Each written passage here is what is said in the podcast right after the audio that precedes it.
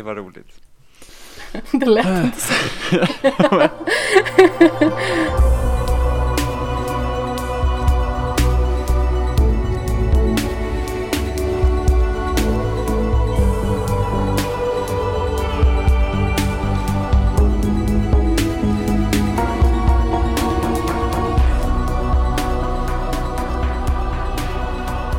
och hjärtligt välkomna till den 25 episoden av Skämshögen med mig Amanda Sten och med Jimmy Seppele. Hallå, Hej, hur jag är är här igen. läget? Det, det är bra. Det är bra, vilken tur. Ja, hur är det med dig själv? Jo men det är absolut bra. Jag sitter här och är dyngsvettig bara för att luftfuktigheten är käpprätt åt fanders. Eh, Det har ju varit ett superstort åskväder och eh, när jag körde till jobbet idag så var det regnvatten överallt. Det regnade svinhårt och sen så höll jag på att få vattenplaning typ tio gånger eller någonting i den stilen. Och sen när jag väl kom hem och skulle köra dubbelpass så var det ju hopplöst. Så jag eh, kommer väl eftersvettas till imorgon eller något. Det låter jättejobbigt. Ja, alltså det är väldigt problematiskt. Jag var ute och sprang lite grann igår, jag eftersvettades i 20 minuter. Och det var liksom en liten kamelfisrunda bara i relation till vad, alltså, kanske en standardrunda är. Ja. Och jag har bara varmt, så att det är ingen, det är ingen jobbig värme här, det är bara varmt. Du har torrvärme. Ja, precis. Vilket är jobbigt i sig, men jag känner att det känns lite taskigt att jag ska klaga på det. Det var så jobbigt. det var här är bara varmt. Jag sitter ju liksom utan byxor i min gungstol också. Och den är ju i plast. Så kommer jag ur gungstolen sen så är det ett mirakel kan jag säga. Jag får sitta här snudd. Mm. Men jag var på bio förra veckan. Mm. Så det är Sergel i Stockholm och det är, de, de har typ jättedålig aircondition i hela liksom den, den bion, även om det brukar vara relativt bra i salongerna. Men av någon anledning så tycker de det var skitbra att ha lädersitsar i den salongen jag såg filmen i. Men varför? Jag vet, jag var ju helt blöt på ryggen när vi var klara och man var så det här nej. kändes ju inte så här jättemysigt. Men eh, Då var det väl ändå inte så jättevarmt förra veckan va? den dagen kan nog ha varit lite varmare, men det var inte liksom, alltså det har varit värre idag till exempel. Ja, jo men alltså de senaste dagarna har det ju spårat fullkomligt. Jag har ju tyckt att det var väldigt skönt i sommar och framförallt de senaste veckorna när det typ har varit sunkväder. Jag är väl den enda som gillar det. Och folk är djupt besvikna på mig. Ja, Jag håller med. Jag också tyckt, alltså jag, jag, jag är fortfarande typ så här PTSD från förra sommaren. Jag är så här, bara, det får gärna vara typ kallt. Ja, nej men förra sommaren var inte okej. Nu har jag förvisso en eh, aircondition i min eh, lilla, lilla lägenhet. Men förra sommaren, alltså jag har en så tydlig bild av liksom vad som fullt ut är sommaren 2018 för mig och det är när jag ska spela Diablo i co-op, Diablo 3. Och jag sitter i bara underkläder på golvet med benen i split och sen så har jag mina så stora gaming-hörlurar på mig samtidigt som jag spelar.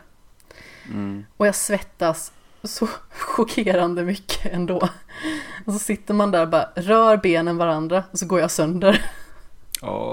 Nej, det, var, alltså, det var fan inte roligt. Det höll på så jävla länge förra sommaren också. Det var ju liksom från typ slutet av april till typ september, där det var liksom hett. Ja, verkligen. Ja, det var inte speciellt kul. Alltså, Såvida inte det har blivit en miss i kommunikationen så tror jag att min katt ska vara ganska så tyst ikväll.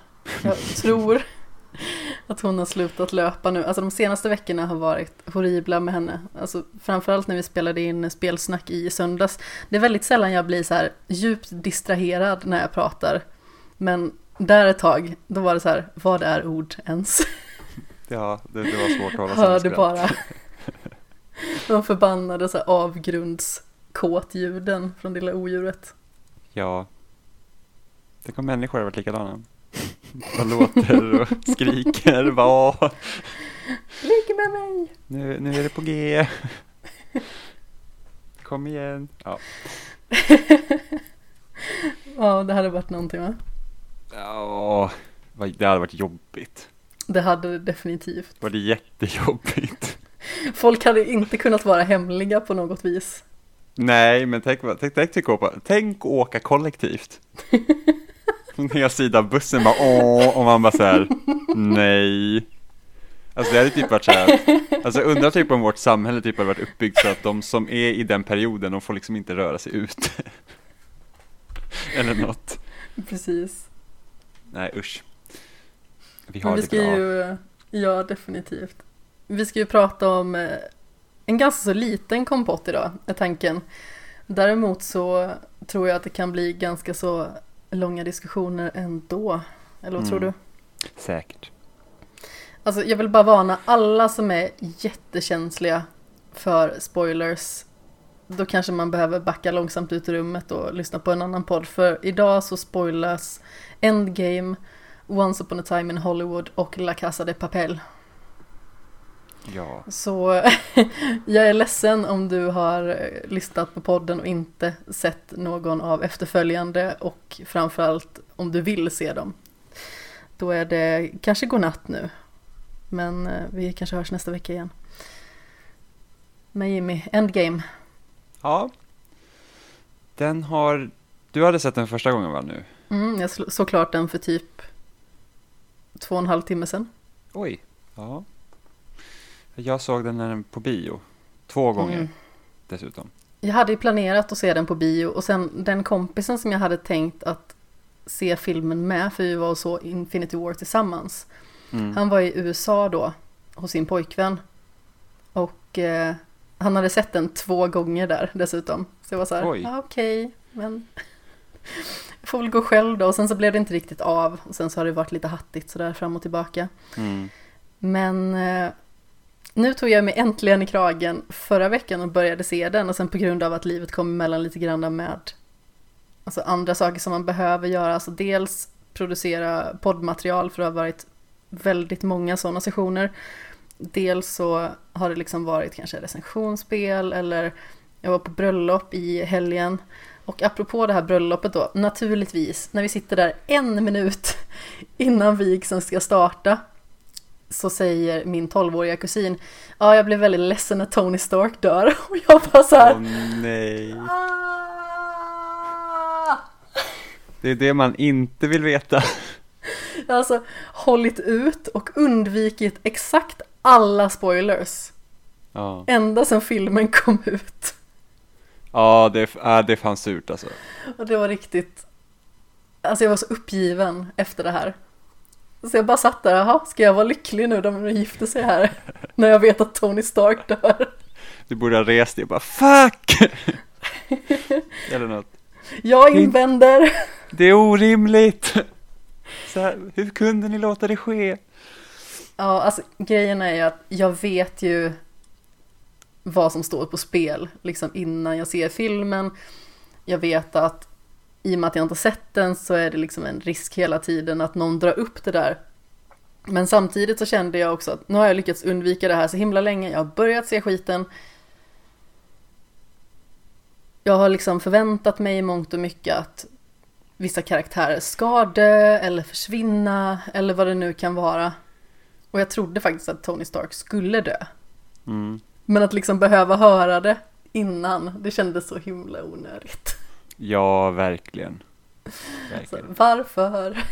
Alltså någonstans inom mig så här hade jag ju ändå hoppats att Tony Stark liksom är den personen som aldrig kommer försvinna, utan han kommer alltid vara med på ett hörn. Vilket han kanske förmodligen kommer vara också, eh, typ i form av typ hologram eller något sånt där i framtiden också. Man vet ju inte om han gör något typ sm- små gästspel, men det hade varit där, så här typ om 10 år eller 20 år igen så är han där gamla Tony Stark liksom. Håller ihop allting. Ja, men jag tycker det har varit en väldigt fin karaktär faktiskt som ändå har gått från en ganska så hård och, ska man säga, rak karaktär till en karaktär som ändå på något vis har börjat visa ömhet för sin omgivning och visar att han bryr sig. Mm. Ja, jag håller med. Um, och speciellt om man liksom när man tittar nu på alla filmer i rad liksom och ser vad som har hänt och vad alla de här karaktärerna har varit med om och liksom där, det är därför jag tycker om Infinity War och Endgame så mycket för att det kändes verkligen som att det är första gången i filmseriens historia alltså Marvel-universumet då, inte hela filmhistorien men precis. där det känns som att faktiskt saker och ting står på spel. För annars vet man ju alltid att okej, okay, men det ser alltid dåligt ut och sen kommer den sista 40 minuterna och då ställs allt på sin spets och sen vinner man.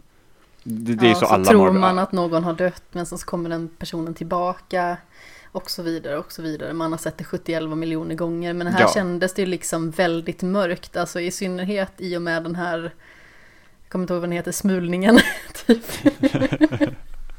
smulningen? Alla blev typ rabarberpaj liksom. ja, jag kommer inte ihåg vad det hette. Men jag, jag för mig att vi har skämtat lite grann om det. Smulningen, jag har aldrig hört det tidigare. Det är ni söderlänningar som pratar så roligt. Söderlänningar, hörde du? Ja, jag bor i alla fall mer norr än vad du gör. Ja, men det är inte precis som att jag är nere i Skåne och lajar. Nej, men det är så långt ifrån är du inte. Du är praktiskt taget dansk, Amanda. Ja, jo jag vet. Kan döpa om mig till Mads vilken sekund som helst. Precis. Fast jag är ju eh. faktiskt en liten del skåning och en liten del bleking. Så okej, okay, jag, förstår inte jag erkänner mig motståndet. skyldig. ja, eller hur? Det är ungefär som att jag skulle börja bestrida mitt finska påbrå. du är bara så här, det är isländskt. ja, det hade varit något. Nej, faktiskt inte. Eh, skotsk från början. Ja, men precis. Det vill jag minnas att du Det har, har jag sagt. säkert sagt. Jag är så otroligt stolt över mina de skotska bröderna som lyckades ja, fly. precis, dina haggisvurmare. precis. Och nu förstörde jag allting. Ja, ja, går runt där i sina, och vad heter de, kiltar, och eh, blåser säckpipa.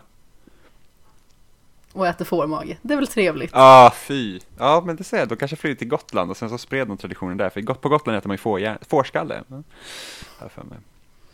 Ja, usch vad äckligt.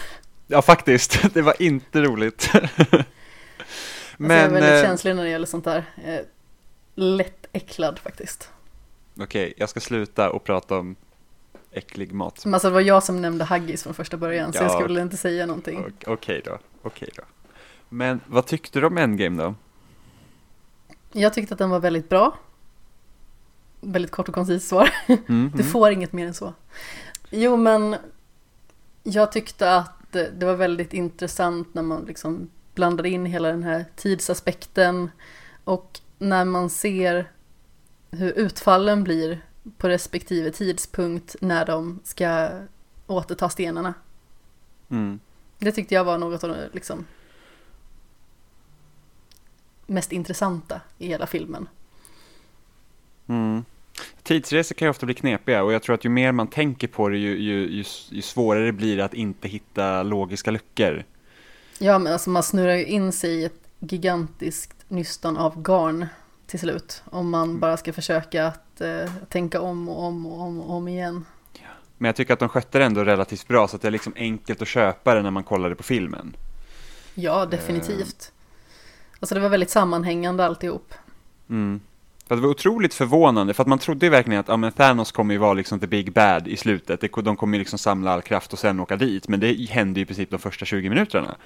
Att de åker dit och sen Tor bara svingar sin hammare och halshugger honom. Så man var ju lite så här. Vad chockad man blev. Ja, vad händer nu? vad, liksom, vad ska de göra nu i typ två timmar? ja, alltså det var ju väldigt chockerande att han liksom hugger huvudet av honom och sen så i mångt och mycket ska man eh, förvänta sig vad då för någonting härnäst? Mm. Ja. Är det så här det ska bli? Kommer det ett nytt hot? Men sen så visar det sig att hotet håller i sig, bara det att de måste köra lite timey-wimey däremellan. Ja, men jag är väldigt glad att de hoppade fram i tiden. Så att liksom att det som har hänt faktiskt får sätta sig. Ja, hos absolut. alla. För att det är annars blir det så här, eller, eller liksom det här också att det var många som trodde typ att de skulle liksom dra tillbaks tiden och sen att eh, det aldrig hänt. Att liksom man, man på något sätt nollställer tidslinjen och sen så får eh, så att det som hände i Infinity War liksom det, det, det hände inte. Att. Thanos mm. inte lyckades och sen fortsätter vi efter det. Men jag är ändå glad att de liksom från den här punkten framåt så är det liksom det här var en sak som hände. Ja, jag tycker att det är ger en mycket liksom, solidare tyngd när man spolar fram tiden de här, visst är det fem år? Ja. Intressant. Ja, och då känns det som att då har folk börjat liksom komma in i sina nya liv, även att det är dystopiskt och grått.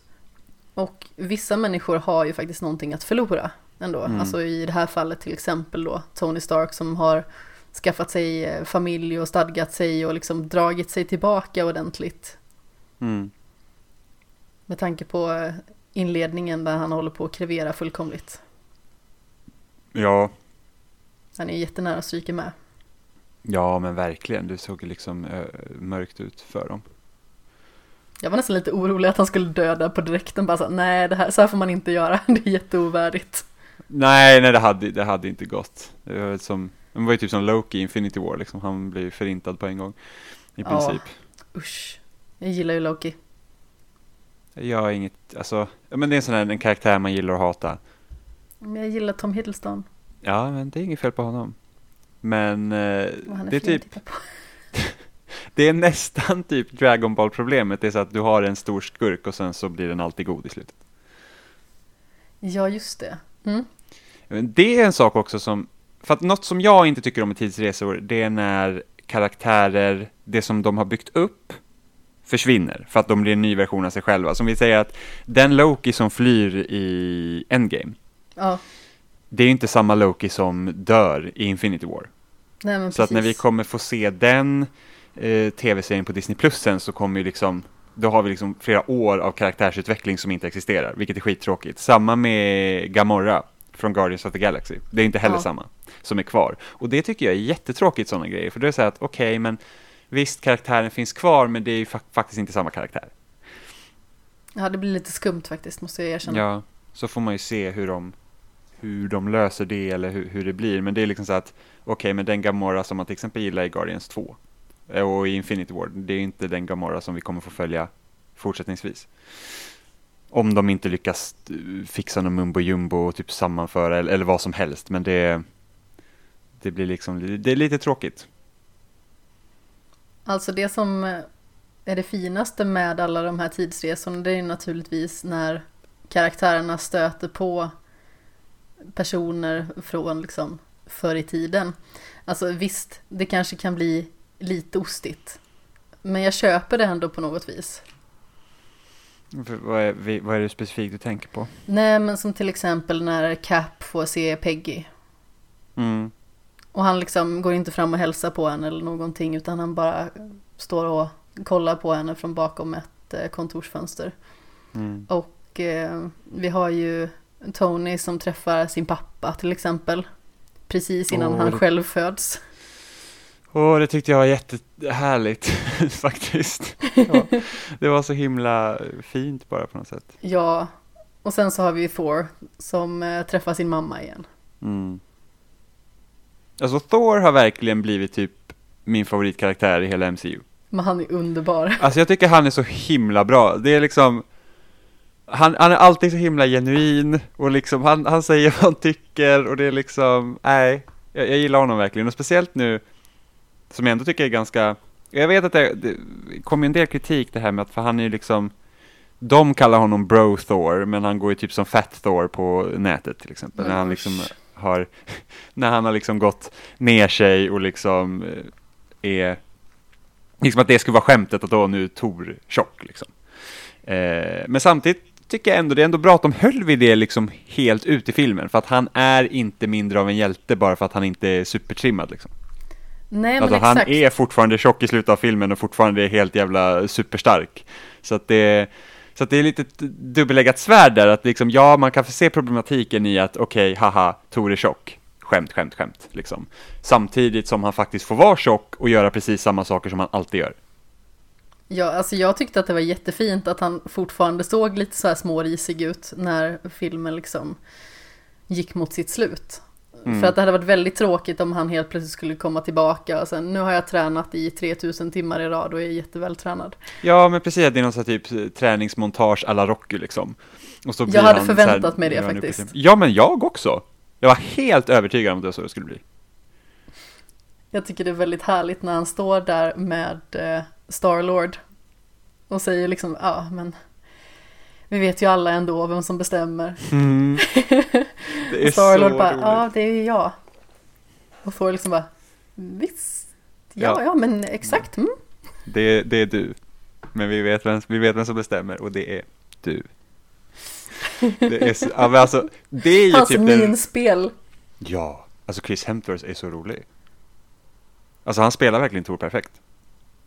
Ja, alltså det är ju en helt annan karaktär än vad man tänker sig att Thor ska vara tycker jag. Ja, jag har ingen aning om hur Tor är i uh, serietidningarna. Jag har ingen koll. Jag har nog bara läst någon liten kortis, men jag tycker inte alls att eh, det ens är samma sak. För jag tycker att den här porträtteringen är så extremt underhållande. Mm.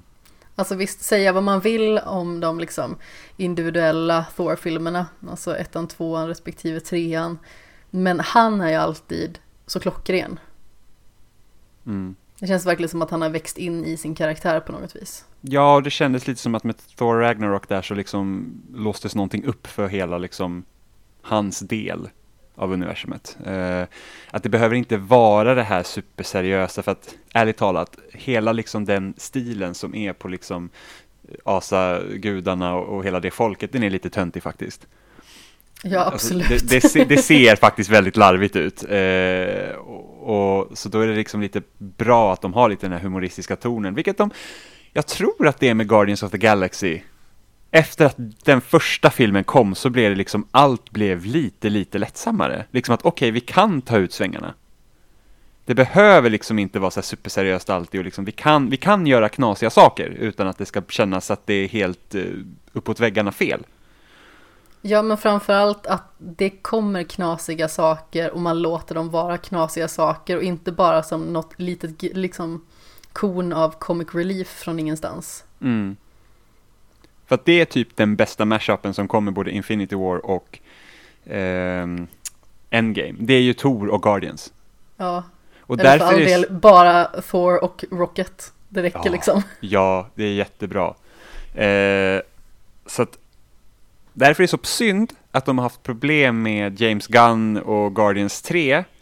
För att jag skulle ju verkligen vilja att Guardians 3 är en mashup med Thor. Men Ja, det hade varit något. Det är bara att nästa Tor-film kommer före. Så att jag vet inte vad de kommer göra med slutet av det som händer i slutet av Endgame, när Tor åker med Guardians. Kommer Guardians vara med i Tor? Eller kommer Guardians 3 kanske utspela sig innan nästa Tor-film, så att de, de inte gör en, alltså det är inte en rak uppföljare som så, att, att uh, Tor och Guardians går kronologiskt i de släpps. Mm. För att jag vill verkligen se att Tor är med hela Guardians-filmen. Du vill ha Asgardians of the Ja. Galaxy. Ja, jag vill liksom att det ska vara där, för att det, det är liksom, det är perfekt. Det är helt perfekt. Så jag förstår inte riktigt eh, hur de ska lösa det, med tanke på att jag antar ju inte att de bara släpper det som hände i slutet av Endgame för de olika karaktärerna, utan de faktiskt måste förklara vad som har hänt från den punkten till deras nästa film. För att, nu har inte du sett Spider-Man Far From Home va? Nej, det har jag inte, men vad jag har förstått så behöver man ha sett Endgame innan man ser den. Ja, för den är ju, alltså, den går ju direkt på vad som har hänt i Endgame.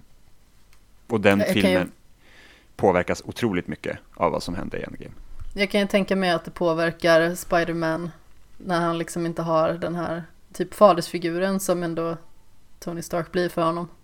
Ja, alltså filmen eh, liksom rör sig kring det hela tiden. Det är liksom en stor del, liksom Spiderman, liksom hans egen identitet och hans, hans roll som superhjälte och liksom, och vem, och vem kan liksom ta upp Tony Starks mantel till exempel. Ja, Så att, och därför är det ännu mer sorgligt att de nu har problem med kontraktet mellan Sony och Disney. det är så What's- pinsamt. Kan inte folk bara bestämma sig någon gång? Ja men det är, alltså vad jag har läst att Disney ville bara, Disney ville i princip äta kakan och ha den kvar. Typiskt Disney. De äter Jag- ju allt. Ja precis, det är så här att ni har tillräckligt med pengar, ni behöver inte ha mer pengar, var bara schyssta. Bara, bara säga okej Sony, vi vill, vi vill göra fem Spiderman-filmer till, ska vi köra samma deal vi haft? Ja, bra. Allt som hade behövts.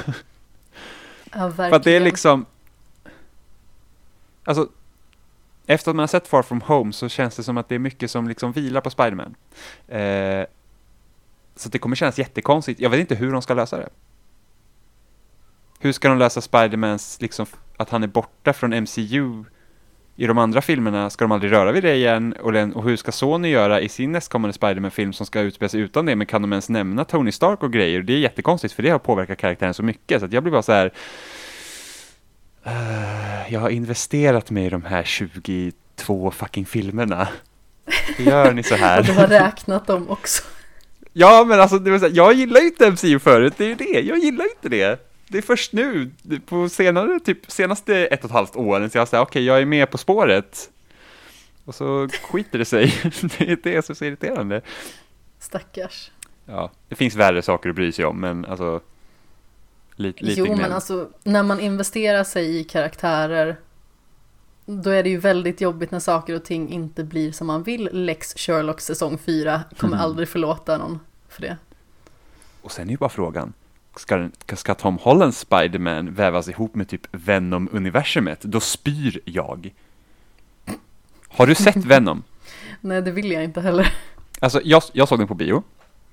Inte för att jag var såhär yes Venom, utan jag hade en kom, min biokompis eh, ville se den. Jag bara, ja men jag tycker om att gå på bio, så visst. Eh, och jag gillar ju Venom som liksom skurk. Även om jag förstod nog att filmen inte skulle vara så här jättebra. Men den är Sen så... är det väl Tom Hardy också. Ja, precis. Och han är ju bra. Oerhört. Men den, den filmen är så skum, för den är... Den blandar drama, komedi, skräck och action. Ursäkta mig. på ett jättekonstigt sätt. Ja, rätt som det är så är det typ att, ja men Tom Hardys, kar- hans, vad heter han, Eddie Brooke, eh, som, som blir Venom.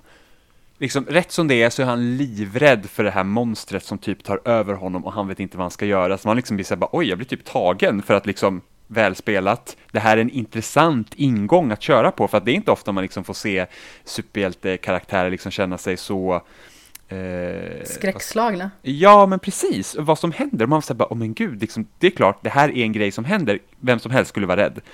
Till att vara så här typ dålig slapstick-humor, så man säger bara, vad händer nu? Och sen så den här Venom-monstret är ju så jäkla läskigt emellanåt, så det är typ skräck emellanåt. Och sen så alla actionscener och voltande bilar och grejer. Så man säger bara, alltså det här är typ fyra genrer i en film, jag vet inte hur någon tyckte bara att det här är det bäst. Course of action. Ja, det blir ju lite för mycket kaka på tårta då.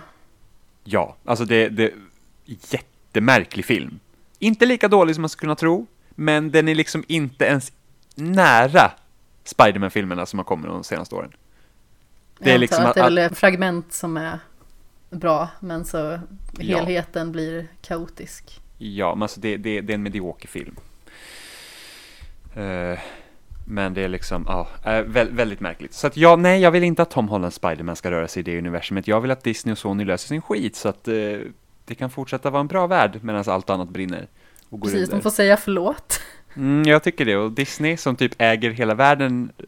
Disney skulle kunna köpa Amazonas och sen porta alla andra och få, de kan sätta sina pe- pengar till good use här. Eh, så att nej, det, det, det jag, jag, jag vet inte riktigt vad de ska göra med det där. Det är tråkigt hur som helst. Ja, absolut. Men apropå Spiderman, det var ju någonting av det mest sorgliga i hela filmen, när faktiskt Tony Stark dör och man ser hur förkrossad eh, Spiderman är. Ja, Det var fasen horribelt. Då blev jag jättegråtmild. ja, ja det, det är verkligen hemskt. Och han ser, alltså sen Tony Stark ser ju så förstörd ut också han själv. Han är ju verkligen liksom helt, ja, Uppgången i atomer nästan. Ja, men verkligen. Det är, ju- han är ju han är bara liksom så att nu är det slut. Och så alla samlas där och så tittar de på honom och man säger bara åh. Vad hemskt. Fast det är också jobbigt när eh, Black Widow dör. Ja, jo, jo men det är det. Gud, varför tvekar jag ens? Jo, men det är hemskt. Bara, Nej, det var okej. Ja, men jag var så- jag var så här, absolut ingenting för någonting i filmen. Nej, men jag tycker typ att Black Widow och Hawkeye är typ de tråkigaste Avengersarna. Fast jag gillar ändå deras relation. Jag tyckte att den är fin. Jo, jo men så är det ju. Alltså jag tror att jag gillar mest Black Widows liksom där att hon har tagit upp Avengers manteln och hon håller liksom igång hela liksom projektet och sen är hon liksom helt förstörd på grund av det. Alltså Ja. det, det är liksom, det, här, det som har hänt påverkar karaktärerna och det är någonting som har saknats i många andra filmer. Liksom. Att det, jag läste en jätteintressant artikel förra året eh, i samband med Endgame, nej inte Endgame, Infinity War. Och var det här att det händer jättemycket i MCU, men eftersom filmerna är uppbyggda enligt ungefär samma mall, det är det här liksom att, åh, nytt hot, det händer lite saker och sen så eh, upplösning och bla bla bla. Mycket karaktärsutveckling sker mellan filmerna som vi inte får se. Vilket gör att saker och ting kanske ekar lite tomt. Det känns liksom som att det är viktiga grejer som man borde få se för att kunna knyta an till karaktärerna får vi inte se. Men med både Infinity War och Endgame så har vi faktiskt fått se det. Vi får se hur det påverkar karaktärerna när så stor del av liksom, jordens befolkning är borta. Och vi får se hur de hanterar det. Och jag tror att det är väldigt viktigt. Ja, absolut. Alltså i de flesta filmer så är det otroligt viktigt att få se det liksom, fundamentala i varför saker händer och hur de händer. Mm. Och jag tycker att det kan bli väldigt problematiskt när det känns som att man hoppar från punkt A och så är man helt plötsligt på punkt F eller någonting. Och vad händer däremellan? Det är som jag Ja. brukar tjata om eh, liksom relationer i film, att jag tycker att det oftast är väldigt svårt att relatera till för att det känns som att man går liksom från att ha träffat varandra till att nu ska vi leva lyckliga alla våra dagar på typ en kamelfis i tid i stort sett. Ja. Ja. Och sen blir Och de sen- sura. men precis, sen blir de sura på varandra och så kanske de gör slut lite grann och sen så blir de ihop igen i slutet eller någonting i den stilen. Ja. Och jag har väldigt svårt för det, för det känns som att jag köper inte karaktärernas agerande, jag köper inte deras känslor gentemot varandra. Nej. Och det är samma sak eh, även som vi pratade om i, i Game of Thrones liksom. Att eh, Daenerys, eh, Och John. ja men precis. Ja, men, dels det och dels att Daenerys ska föreställa att hon är helt förstörd. Men det har gått typ 30 minuter sedan grejen hände.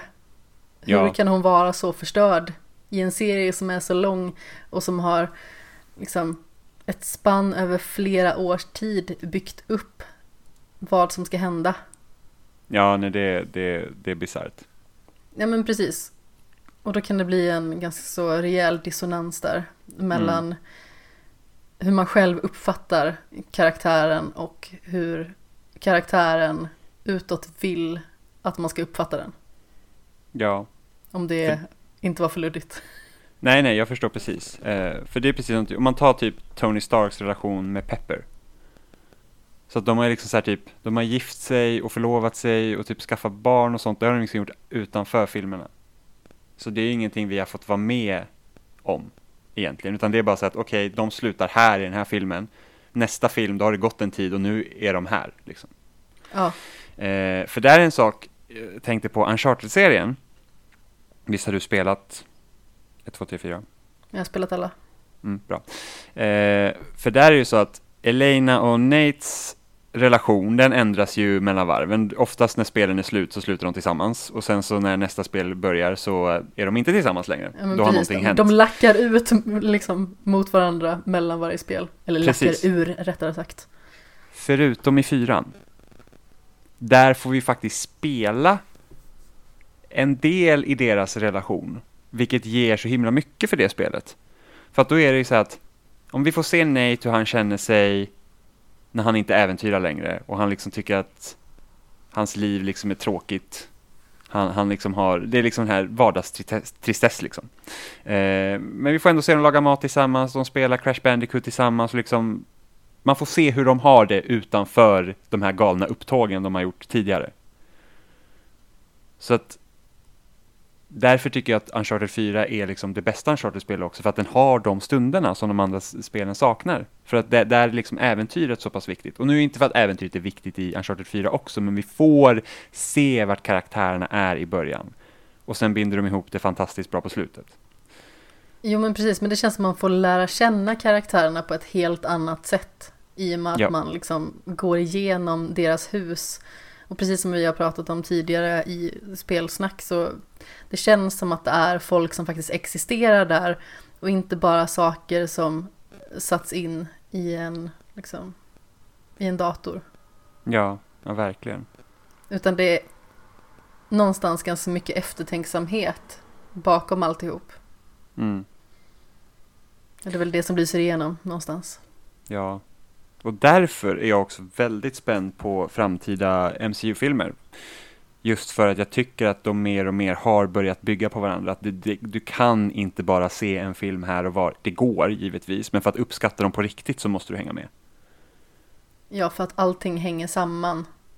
Mycket, mycket tajtare än vad jag gjort tidigare. Nu får vi se vad som händer med alla nya hjältar som kommer, som Eternals och Chao-Chi eller vad den heter och sen eh, det. Men eh, av Spiderman och döma, liksom, den filmen är jättekopplad till att du har sett Endgame. Alltså det räcker inte med att du bara har sett Homecoming, du måste ha sett Infinity War och Endgame.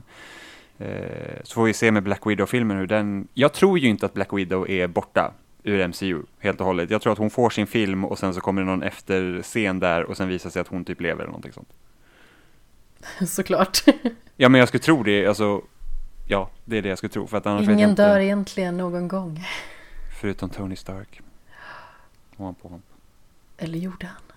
Ja, definitivt. Jag Ja, tror inte han. att han kommer tillbaka. Nej, hans kontrakt har gått ut. Ja, och han är väl svindyr. Ja men titta, hans kontrakt gick ju, de behöver inte, betala, de inte betala Robert Downey Jr längre, de kan fan eh, inte behöva ha så mycket pengar till Spiderman. De kan bara låta han slinka med på en räkmacka. Ärligt talat. Ja, Men vad tyckte du om slutet för Captain America då?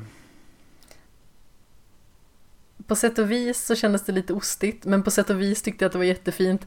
Det är en svår avvägning där på något vis. Mm. Ja, jag gillar det. Nej, men jag, jag tycker det är fint att de får varandra för att den kärlekshistorien är ju så djupt olycklig. Ja, Tänk att vakna upp liksom nästan ett helt liv senare och så ligger ens livs största kärlek på dödsbädden liksom. Men här måste jag fråga din åsikt, för att här, det går lite delade meningar om hur tidslinjen fungerar. För att när Mhm. Captain America besöker Peggy i, nu ska vi se, det blir inte Civil War, Winter Soldier. Då säger hon att hon är gift och har barn. Är det. det, är det Steve Rogers som hon är gift med, men hon säger inget till honom för att hon vet att hon kan inte säga det eftersom det skulle fucka upp med saker. Eller när han inte kommer tillbaka på en gång rätt så är han egentligen i en annan tidslinje när han är med henne. Oj då. Det här har jag inte ens tänkt på för det var så himla länge sedan jag såg den här filmen. För att Wow. Ja, men det hade ju kunnat... anledningen till att jag tror att han är i samma tidslinje är för att han dyker inte upp i den här portalen i slutet utan han, dyker, han sitter på en parkbänk någon annanstans. Eller Ja. annanstans, han sitter längre långt bort. Det betyder liksom att han, han måste vara i samma tidslinje och sen har han bara gått dit. Liksom, för nu, ja, nu är det dit. Han dags, råkade liksom. vara där och kolla på Ja, precis. Ja, men liksom, nu är det dags, liksom. nu ska jag gå dit och lämna över skölden för att jag har liksom levt vid sidan om, liksom, som en annan.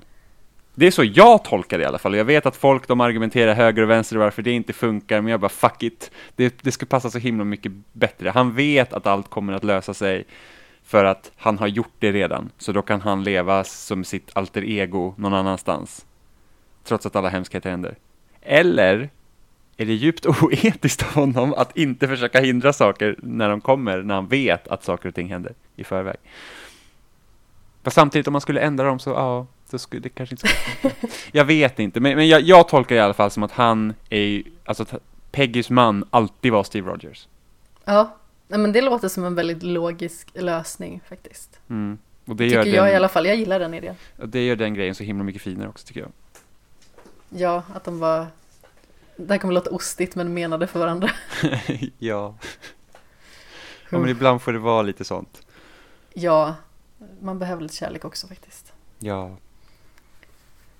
Det behövs. Men eh, har vi eh, liksom kramat ur allting ur Endgame? Eller ska vi eh, fortsätta att gå vidare kanske? Ja, alltså, har du någon favoritscen? Oj.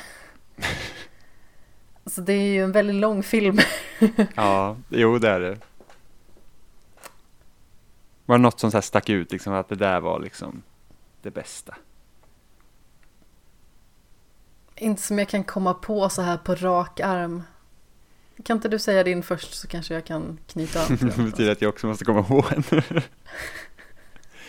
jag vet, Det hade alltså, du inte räknat med. Nej, nej, jag tänkte så att det är bra för då får du svara först så kan jag fundera lite längre. Men jag tror, alltså som sagt, jag gillar ju hela Tor och Asgardian-grejen. Det, det, alltså den tycker jag liksom är, men det är bara mer för att jag hoppas ju att det ska vara, jag hoppas ju att det ska Överlappande bli, mm, i nästkommande filmer. mm. Men samtidigt, jag, jag tycker jättemycket om när typ alltså Captain America är på de här eh, mötena med folk som saknar sina anhöriga. Och liksom Ja. visa att ä- även om världen har gått liksom typ åt helvete så hjälper han fortfarande till i den mån han kan. Och det är så himla talande för den karaktären. Alltså jag kanske får säga när Tony Stark träffar sin pappa. Mm.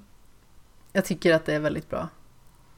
Ja, Pappa han ser liksom helt förvirrad ut. Bara, Vem är den här mannen som börjar krama mig och ha sig?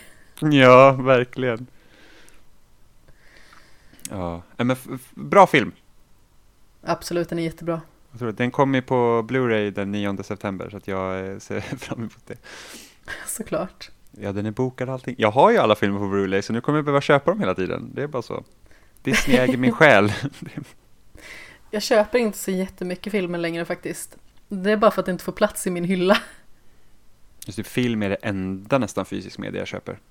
Jag föredrar att köpa spel om jag kan. Alltså vissa specifika saker vill jag gärna ha fysiskt bara för att det finns något form av så här romantiskt mervärde i det. Men det är ingenting som jag jättemycket behöver egentligen.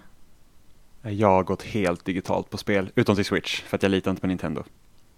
Men, an- men, an- men annars köper jag bara digitalt. Det är liksom så att jag spelar så pass mycket att jag orkar inte hålla på och byta skivor och grejer, utan det är bara att starta. Och det är så himla enkelt när man ska åka till folk också, man tar bara med sig hårddisken. Ja, Jo men det är väl sant. Eftersom jag, eftersom jag spelar mest på Xbox då, för det är så himla enkelt att bara ta med hårddisken då, för allt finns där. Mm. Det funkar inte lika smidigt på andra konsoler, men på Xbox så är det så att jag, alltså eftersom Xbox laddar, den sparar alltid lokalt och molnet. Så att jag, om jag loggar in med min profil på en annans Xbox så laddar den ner mina sparfiler när jag startar ett spel. Så det är jättebra. Okej, ja, det är ju lite mer komplicerat på PS4 faktiskt. Men eh, jag ser inte Mm. att det är jätteproblematiskt. Men jag åker runt. Hmm. Nej men det är typ när jag åker till Oliver och sen så typ Emma och Robin. Så då, då har jag alltid med mig min kontroll. Och kanske Ja. hårddisken och sådär. Nej, jag har inte färdats med mina konsoler så jättemycket. Det var väl mest när eh, det var någon vajsing med mitt nät i lägenheten. Då eh, åkte jag till mina föräldrar, eller åkte, jag gick för det är skitkort. Tog med min PS4 och satte mig och laddade ner Horizon Zero Dawn där liksom.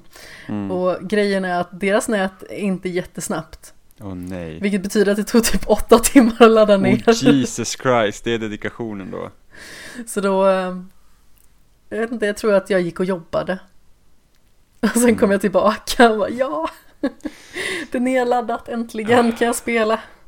Ja, men jag kommer ihåg när jag var liten liksom och typ åkte hem till Robin. Då hade man kanske med sig så här 25 GameCube-spel och då hade du med alla fodral. Och så vi spillde typ cola över alla de fodralen också, så jag har fortfarande GameCube-fodral som är typ lite kladdiga. Nej men usch. Ja, men det, det är så här härliga minnen. Ja men eller hur. Lite så här so sockerfläckar lite överallt som är typ nu 15 år gamla. Men eh, ja, sen så bytte man ut så här CD-case som man bara satte skivorna i. Men det är mycket skönare att bara säga jag tar med min hårddisk eller jag laddar bara ner spelet på den Xbox jag kommer att spela på. Ja absolut. Det får man väl lugnt Så att- säga. Mm. Så att, Som sagt, jag beställde ju faktiskt tre stycken filmer mhm. dock. Så jag får se om de får plats i hyllan eller om jag behöver rumstera om lite grann. Men jag beställde The Favourite för att det är en av det här årets absolut bästa filmer. Mhm. Och sedan så beställde jag I Faderns namn.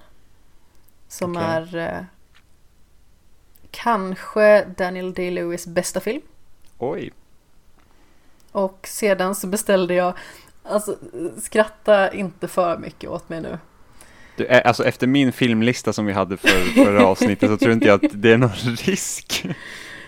Det här är jättemycket barndomsromantik för mig. Jag beställde Det magiska svärdet, slaget om Camelot. Men det är väl roligt. Har du sett den? Alltså, jag tror det. Det är med sådana här tvåhövdad drake och grejer. Jag, jag har säkert sett den någon gång. Det... En väldigt flummig så här, kung Arthur-tolkning. Tecknad sådan. Är det några kända skådisar Det minns jag faktiskt inte. Mm. Jag har inte sett den som jag var barn. Jag hade den på VHS. Och nu beställde jag den på, jag tror att det var DVD för att det fanns inte på Blu-ray. Åh oh, nej! Oh. Jag vägrar köpa DVD. Ja, de flesta gör det, men det gör ja. inte jag. Jag är inte så nej. jättekänslig. Jag, jag, jag, tog inte med mig en enda DVD-film när jag flyttade. Jaså? Jag, nej, jag skänkte bort allting. Eh, jag, eh, och vi hade ändå, alltså både jag och min syrra hade hur mycket DVD-filmer som helst, men det var så här att nej, alltså jag har köpt om alla filmer jag bryr mig om på Blu-ray. Och så håller jag på den samlingen istället. Jag har också jättemånga DVD-filmer, men som sagt, majoriteten av dem får ligga i låda. Mm. I och med att jag har 28 kvadratmeter att göra av saker på. Det är inte lätt. Nej, jag bor också litet. Du bor väl ännu mindre? Ja, 23 tror jag har. Jag får plats med mycket ändå. Men sen, jag har, jag har ett förråd också i lägenheten, så där har jag lite, typ alla mina speltidningar Jaha. har jag sparat. Mm. Det är så här Superplay från 2002 till den lades ned. Och sen har jag typ alla level från 2006 till den lades ner. Oj. Mm. Snacka om att gå in för. Ja, men jag var så här, ska jag slänga dem eller inte? Så bara, nej, det vill jag inte göra. Det är ändå lite svensk spelhistoria. Nej, tidningar har jag inte så jättemycket av. Det är väl en liten selektion av eh, serietidningar som jag har stående i min hall. Mm. Med lite saga och oh. lite blandade småserier. Batman såklart. Ja. Och jag har, jag har Walking Dead, har jag. Oh, alla mina manga, men jag har berättat, alla mina mangaböcker är borta. Eh, vilket ja, just var hemskt. det. men jag har, ja, ja men verkligen, alltså hela liksom svenska Dragon Ball liksom komplett. Eh, och andra liksom olika serier som är svåra att få tag på, är jättesorgligt. Men eh, jag har Walking Dead har jag. Och sen har jag första numret av Saga. Väldigt bra. Väldigt bra. Det är bara att de är så jävla dyra. så att det har liksom inte blivit att man köper eh, så ofta. Men jag skulle, borde åka till SF-bokhandel och köpa lite. Absolut. Jag har ju funderat på att köpa liksom hela samlingen. Mm. Alltså hela samlingen per volym, eller vad man ska säga. Mm. Men det har jag inte kommit mig för. Jag har väl tre stycken eller fyra stycken nummer av Saga. Mm. Istället för att köpa en hel sån här paperback eller vad de heter. Ja. Mm. Jag har... Ja, Walking Dead är slut nu så att uh, då kan man slutföra den samlingen så då har man hela serien och inte behöver punga ut mer pengar på det. Det är skönt. det var det som var problemet liksom. Det är inte tråkigt att serien är slut utan det är skönt att man slipper att betala saker. Ja men det är typ 170 spänn per liksom nu, alltså sån här liksom kapitel. Ja, alltså det, det är ju det är ingen billig skit. Nej, det är det inte. Apropå äh, dyr skit höll jag på att säga. Ska vi gå vidare till Once upon a time in Hollywood kanske? Det tycker jag.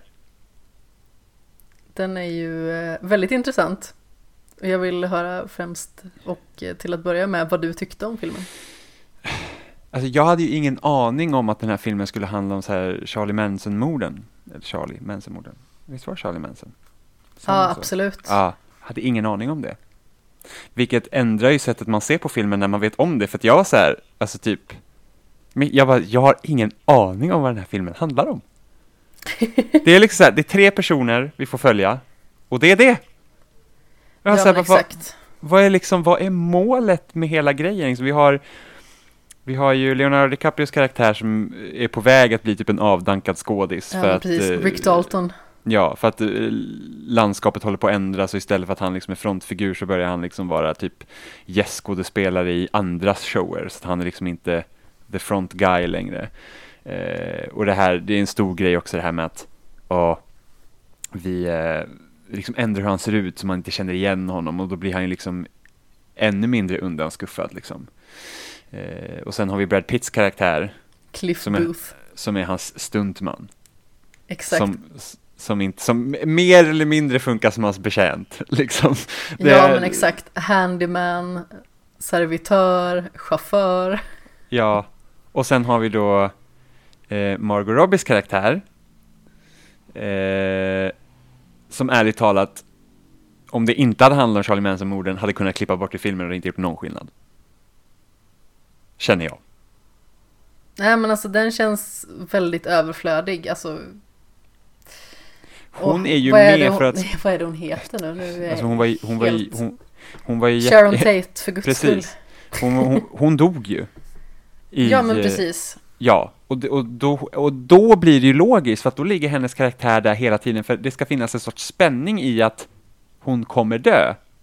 Ja men precis, för man vet ju om man har hört någorlunda om Manson-morden, eh, vilket är ganska så paradoxalt att det ens heter Manson-mord i och med att han aldrig begick något mord utan det var anstiftan till mord på eh, Mm. allihop. Men eh, de här eh, Tate och LaBianca-morden är ju eh, bara ungdomar som har begått.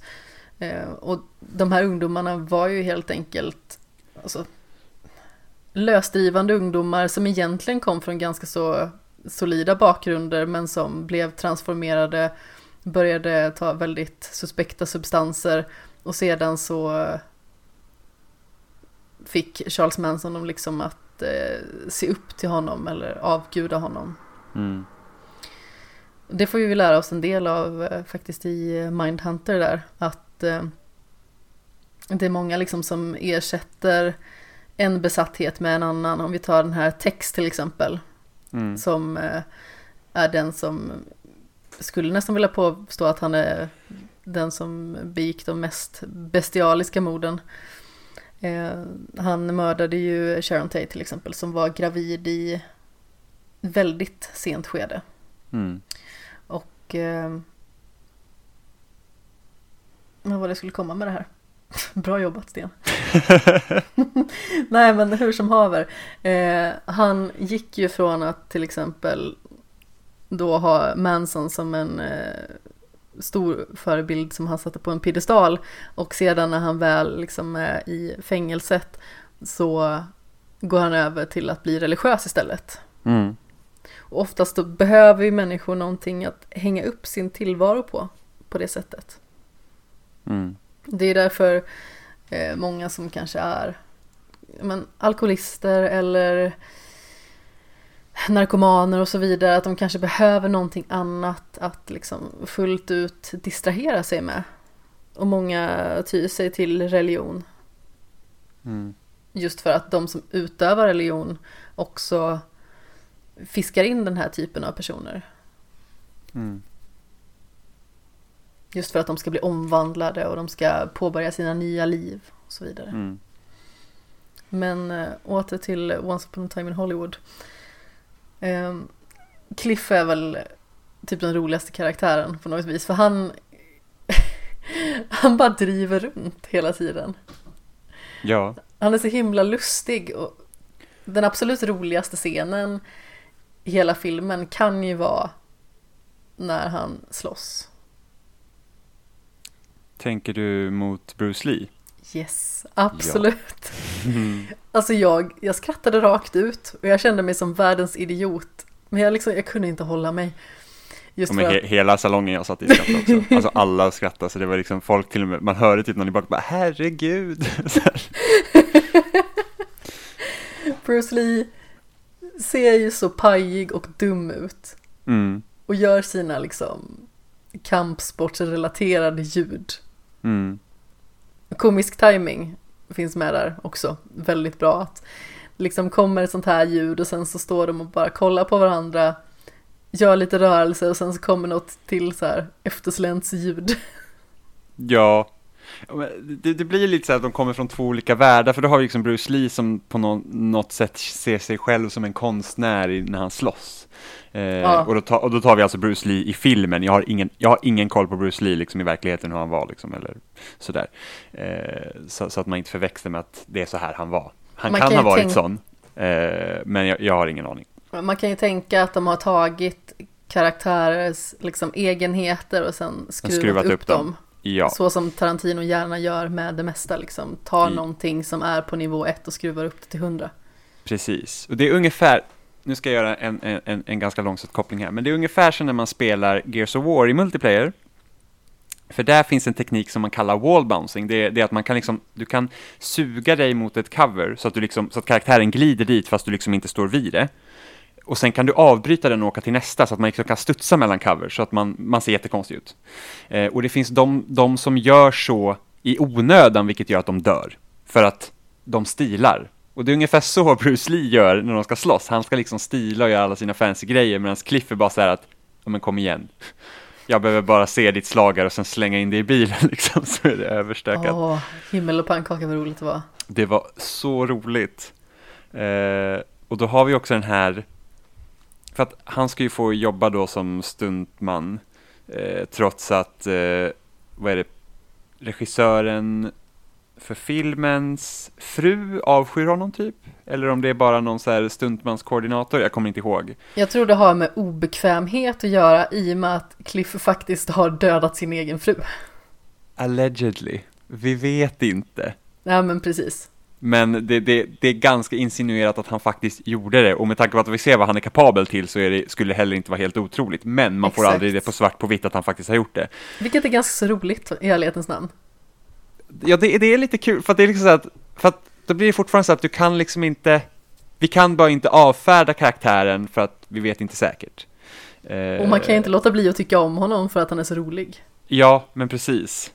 Eh, så att bara det att hon kommer in där, eller när de kommer in och tjafsar med honom sen och säger att det här är liksom inte rimligt och säger liksom du kan inte kasta liksom typ Bruce Lee i marken och Bruce Lee som då är liksom så här typ väldigt fåfäng om sitt rykte bara nej nej nej, ingen har kastat mig i marken liksom, jag förlorar inte. Fast han precis, liksom vad händer då med bilen? ja, precis, fast han liksom blev precis inkastad i en bil så den är helt bucklig. Så att det är sådana grejer som är så här sjukt roliga. Absolut. Eh, och sen måste jag också säga att för Tarantino är väldigt bra på att låta liksom scener gå och det är ganska liksom så att karaktärer får prata med varandra. Det liksom klipps inte typ hundra gånger i en scen, utan det, det, är liksom, det får gärna ta lite tid. Oh, ja. eh, och det blir ju som uppdelning i den här filmen eftersom det är tre karaktärer vi följer. Så att ofta är man så kanske så här, kvart, 20 minuter med en karaktär och då får man inte se någonting av någon annan. Vilket också är ganska spännande tycker jag, för att då, då blir det så att man får, okej, okay, men nu, nu, nu, berättar vi den här lilla delen av historien och då är vi där. Då är liksom, det är inte så att det är liksom Cliff är på den här gården, samtidigt får man se Leonardo när han liksom är i någon scen och sen får man se Margot Robbie, de sitter på bio liksom. De klipps inte samman utan de hålls separata. Mm. Eh, vilket gör också att liksom, då kan han bygga upp scenerna som han vill och liksom kanske få fram det han vill säga Oh ja, eh. det fungerar väldigt väl när man jobbar på det viset. Eller i alla fall så får Tarantino det att fungera väldigt väl. Mm. Men det är många grejer som han gör som det känns som att nästan ingen klarar av. Alltså som sagt, det här extrema övervåldet som han sysslar med. Det är ju inte lika närvarande i den här filmen. För att den är lite mer nedtonad ändå på många sätt. Eh, och lite mer långsam i sitt tempo mm. man väl lugnt säga. Men han är väldigt bra på att hantera det våldet för att det är inte ett övervåld som man ser på med ett kritiskt öga att här är det extremt våld utan det är så surrealistiskt så att det känns orimligt att det ens skulle kunna hända på något vis. Alltså det är samma sak när de gör Pizza Face av Hitler i uh, Inglourious Bastards. Ja. Det är liksom så orimligt och så uppskruvat att det liksom inte går att göra något annat än att tycka att det är roligt. Fast, alltså, de, den sista, alltså, sist, alltså sista upplösningen på filmen, när när han har dunkat en av tjejernas huvud i spisen x antal gånger och sen typ bara lyfter iväg den som en nickedocka, då kände jag i magen så här att okej, okay, det här är lite för mycket.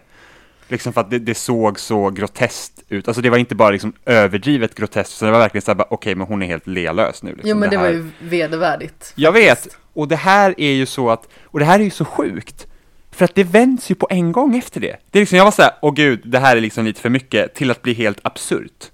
Liksom så att Ja. man liksom också sitter och skrattar rakt ut, för jag tyckte också att det var fruktansvärt roligt. Men liksom det blir, det ligger ju liksom den här spänningen, och det känns nästan som man har liksom tagit en liten kommentar till filmvåld i sig självt med den här filmen, för att i slutet med de här ungdomarna, deras liksom hela grej med att de ska börja mörda folk är för att, åh, de här gör våldsfilmer, de gör alla våldsamma. Ja, Vilket motsäger sig själv som, okej, de här människorna typ kollar inte på, de här blir ju inte våldsamma av film, uppenbarligen, utan de bara tycker att alla blir våldsamma av film. ja, de har ju blivit indoktrinerade av Manson och hans liksom uppviglande beteende. Precis. Och sen då visar Tarantino, alltså riktigt överdriven våld, får publiken att skratta till det, för att jag antar att det är tanken. Eh, samtidigt som man då säger att våld gör, eller inte att han säger, men samtidigt som man då har eh, skurkarna här säger att våld gör folk våldsamma, alltså fiktivt Mm. våld. Eh, och sen bara visar hur absurda hans filmer är, att vi sitter och skrattar, att det är liksom ingen som kan ta det här på riktigt, vi kan inte bli våldsamma av det här för att det är liksom, det är för sjukt.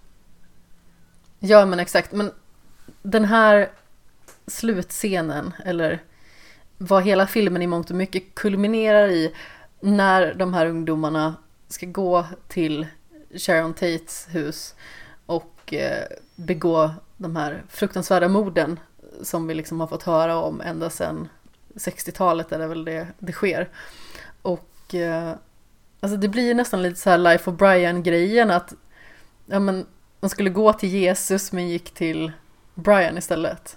Mm. Det är lite samma sak här att istället för att gå till Sharon Tate så är det Cliff Booth de stöter på. Ja. Som är hög som ett hus. Står och typ kollar på sina dubbla fingrar i stort sett. Och Ja. eh, försöker liksom någorlunda greppa konceptet verklighet. Ja, han Och tror sen- inte att det händer. Nej, precis. Och skurkarna kommer in en från varje håll. Den här Sadie från ena hållet och så har vi Tex och ehm, jag kommer inte ihåg vad den sista heter. Från andra hållet. Han bara, är ni på riktigt? Mm, vad händer det här Han är verkligen? helt uppe i det blå och det är så roligt. Ja, och, de, och, de, och de här ungdomarna, de blir helt chockade. De bara, vad, vad är det liksom med den här Vad är det människan? för idiot vi Ja. har stött på? Och sen så bara, ja, det bara eskalerar därifrån. Alltså Ja, men blir, de blir ju tagna på sängen. ja, och han är ju liksom, han är typ mördarmaskinen nummer ett, uppenbarligen. Ja, och hans Han- hund Ja, som är världens gullegris fram tills dess. otroligt väldresserad. Ja. Han, han typ bara smackar lite med, med läpparna och då bara så här full attack mode liksom. Det är Precis. helt, och så Hunden är, lackar fullkomligt. Och så är ju, vad heter det, eh, så är frugan där också. ehm, Den italienska. Precis, inte, inte Cliffs fru utan Rick Daltons fru. Rick Daltons fru som, som, som eh, han träffade när de gjorde film i Italien. Och hon är ju inte, alltså hon är ju också så jäkla rolig. För att hon är inte bara liksom, även i början är det typ så att, ja, hon blir typ så här frugan som blir rädd när det händer saker. Men hon hjälper ju sen till och grejer. Ja, Och, och liksom sen när typ polisen för henne i slutet så blir hon liksom helt i alltså, upplösningstillstånd. Ja, bara så här, bla, bla, alltså riktigt så här, det är riktigt ruter i henne, så det är också så här en liksom rolig touch. Men Ja, det absolut roligaste med den scenen, det är ju efter att han då har helt mörbultat den rödhåriga tjejen, som, som förut var helt grotesk, så hoppar ju hunden på och biter den svarthåriga tjejen. Ja, säg det. Och hon blir ju helt galen. Alltså hon bara gallskriker och det är så hon beter sig Någon resten skruv av scenen. tappas Ja. av de få skruvar som finns kvar. Hon bara, säga. ja, hon bara skriker och skriker och skriker och bara attackerar och typ slår på hunden och springer där med sin jäkla kniv och sen av någon anledning så hamnar de ut på verandan eller baksidan av huset och där ligger ju Rick Dalton i poolen på någon så här uppblåsbar madrass och lyssnar på musik och har ingen aning om vad som har hänt. Och dricker Och en hon- drink. och dricker en drink ja, och hon bara springer ut ur huset, landar i poolen och han bara what the fuck liksom, vad är det som händer? Allt den det här har ju passerat honom fullkomligt. Ja, han har inte haft någon, för han lyssnar på musik också, så han har ingen aning om vad som har hänt. Och så, så hon landar i poolen, då tänker man så här, okej men nu, nu typ drunknar hon. Nej, hon reser sig i vattnet, fortsätter skrika. Rick Dalton, livrädd, han går upp i poolen, går därifrån, kommer ut med eldkastare som han har Och haft så det från- roligaste, det är ju liksom hans reaktion. Han bara, nej nu, så här kan vi inte ha det. Lite grann.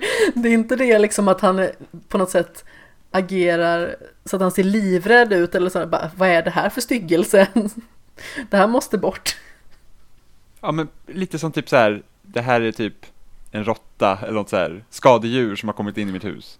Ja, Så han, och då, då har man fått se tidigare i filmen när man typ får se lite montage om vad han har sysslat med och sådana här grejer så, så har han liksom i en film så använder han en eldkastare. Vilket också var rätt så kul för att då har de också så här tagit med så här fåfänga skådespelare. Så här, kan vi göra något åt värmen? För att det är för varmt att hålla den här eldkastaren och någon bara skriker till honom. Alltså, det är en eldkastare. Det Ja. liksom går inte att få bort värmen. Men då går han och hämtar den där eldkastaren och liksom bara så här, alltså, bara rätt på liksom, bränner henne. Och det är liksom bara så här att, alltså hela bion bara tjöt av skratt. ja. Det, för det är så, det är, ga, det är hysteriskt galet. Det är liksom, alltså man kan ju inte ens, alltså inte i min vildaste fantasi hade jag tänkt att det skulle sluta på det sättet. Man liksom bara så här, vad är det som händer? Jag försöker ju lite grann lägga band på mig och kanske så här, sitta och fnissa eller sådär. Inte så jättehögljutt, men jag, jag tappar det fullkomligt. Ja men det, alltså, det var ju liksom, alltså man, man tror ju inte på vad man ser. Det blir ju bara så, det är så galet. Och inte nog med det, efter att den här sjuka grejen har hänt, så får Rick Dalton, då får han ju prata med sin granne Sharon Tate och hela liksom den grejen. Så, så folk som han inte har pratat med innan i filmen, för liksom han har typ, ja men säger liksom att hans karriär håller på liksom att gå lite förbi och sen bor de här grannar med honom som är typ jätteframgångsrika. Och han liksom känner sig typ lite utanför på det sättet. Ja, Eh, och sen de undrar så här, vad är det som har hänt så här? Och han bara, ja men alltså, nej, det var några galningar, de kom in i, försökte mörda oss här bredvid. Och de bara, nej, oj, liksom så här typ. Och så får han prata med Sharon Tate så här, i en eh, så här liten eh, porttelefon. Eh, porttelefon, precis. Eh, och så, så bara frågar hon så här, bara, men vad hände till? Så han bara, nej men jag, jag, använde, jag använde eldkastaren så här. Och de bara, oj, så här, du vet precis som om det vore helt normalt. Det här är liksom inte en jätteabsurd händelse. De bara så här, jaha, oj då, så här. Han bara, ja, så bara, I burned her to a crisp. Och man bara, okej. Liksom helt Alltså man vill liksom vara så här, och de bara behandlar det så här, ja det var en, det var en vanlig kväll i Hollywood liksom. Så att det, det är liksom, ja, var helt, helt galet. Alltså vilken ja, ska jag fin- komma upp på en drink? Ja, men precis som, ja visst liksom, frugan har ändå fullt upp typ där, hon, hon, hon har tagit några så sömntabletter så hon lär vara utnockad liksom. Några dagar. Ja, och man bara så här, ja, och det är så filmen slutar. Ja. För det är liksom så här typ att, och där återigen det här liksom så här typ kommentar om, om, om filmvåld och så här, för det är så här att det är deras vardag typ. Så för dem liksom, det finns ju de som även tror att säga, ah, nej, för att de, det de leker med i filmen också är det här att vi kan få se när de filmar in scener och sen bryter de för att de säger fel eller något, så att man får liksom se hur, hur skådespelare, eller hur, hur det ser ut att jobba kanske på ett filmsätt. Ja, Och det hade ju inte varit liksom helt orimligt att de hade, liksom i slutet när de går upp där så hade de brutit liksom, och det var bara en filmscen eller någonting. Ja, Eh, så att det är lite, absolut. Det hade varit ganska den- kul. Ja, så att det är lite den känslan man får också, att du sitter liksom, okej, men är det här, är det på riktigt eller inte? Eh, så att det, det var, det var en rafflande final på filmen. Det kom, alltså jag såg det absolut inte komma. Nej, Det, alltså jag visste ju lite granna vad det skulle handla om. Så sett. Alltså Mm. med Manson-biten. Men det där, det var en helt otrolig final. Jag tycker ju faktiskt att den här filmen är så pass bra så att den kommer in på min Tarantino topp 3. Jaså? Ja, det tycker jag. Jag tyckte att den var ruskigt bra. Men vilken är din Tarantino topp tre då? Jag tycker att den här filmen kommer på en tredje plats. Mm. Sedan så tycker jag att Django Unchained kommer på plats nummer två. Mm. Och på plats nummer ett är såklart Inglourious Basterds. Okej. Inte fy skam. Nej men alltså, det är en sån grej som jag är väldigt skeptisk till i vanliga fall. Jag är inte ett fan av Brad Pitt. Okej. Men just i Tarantinos filmer så är han så otroligt bra.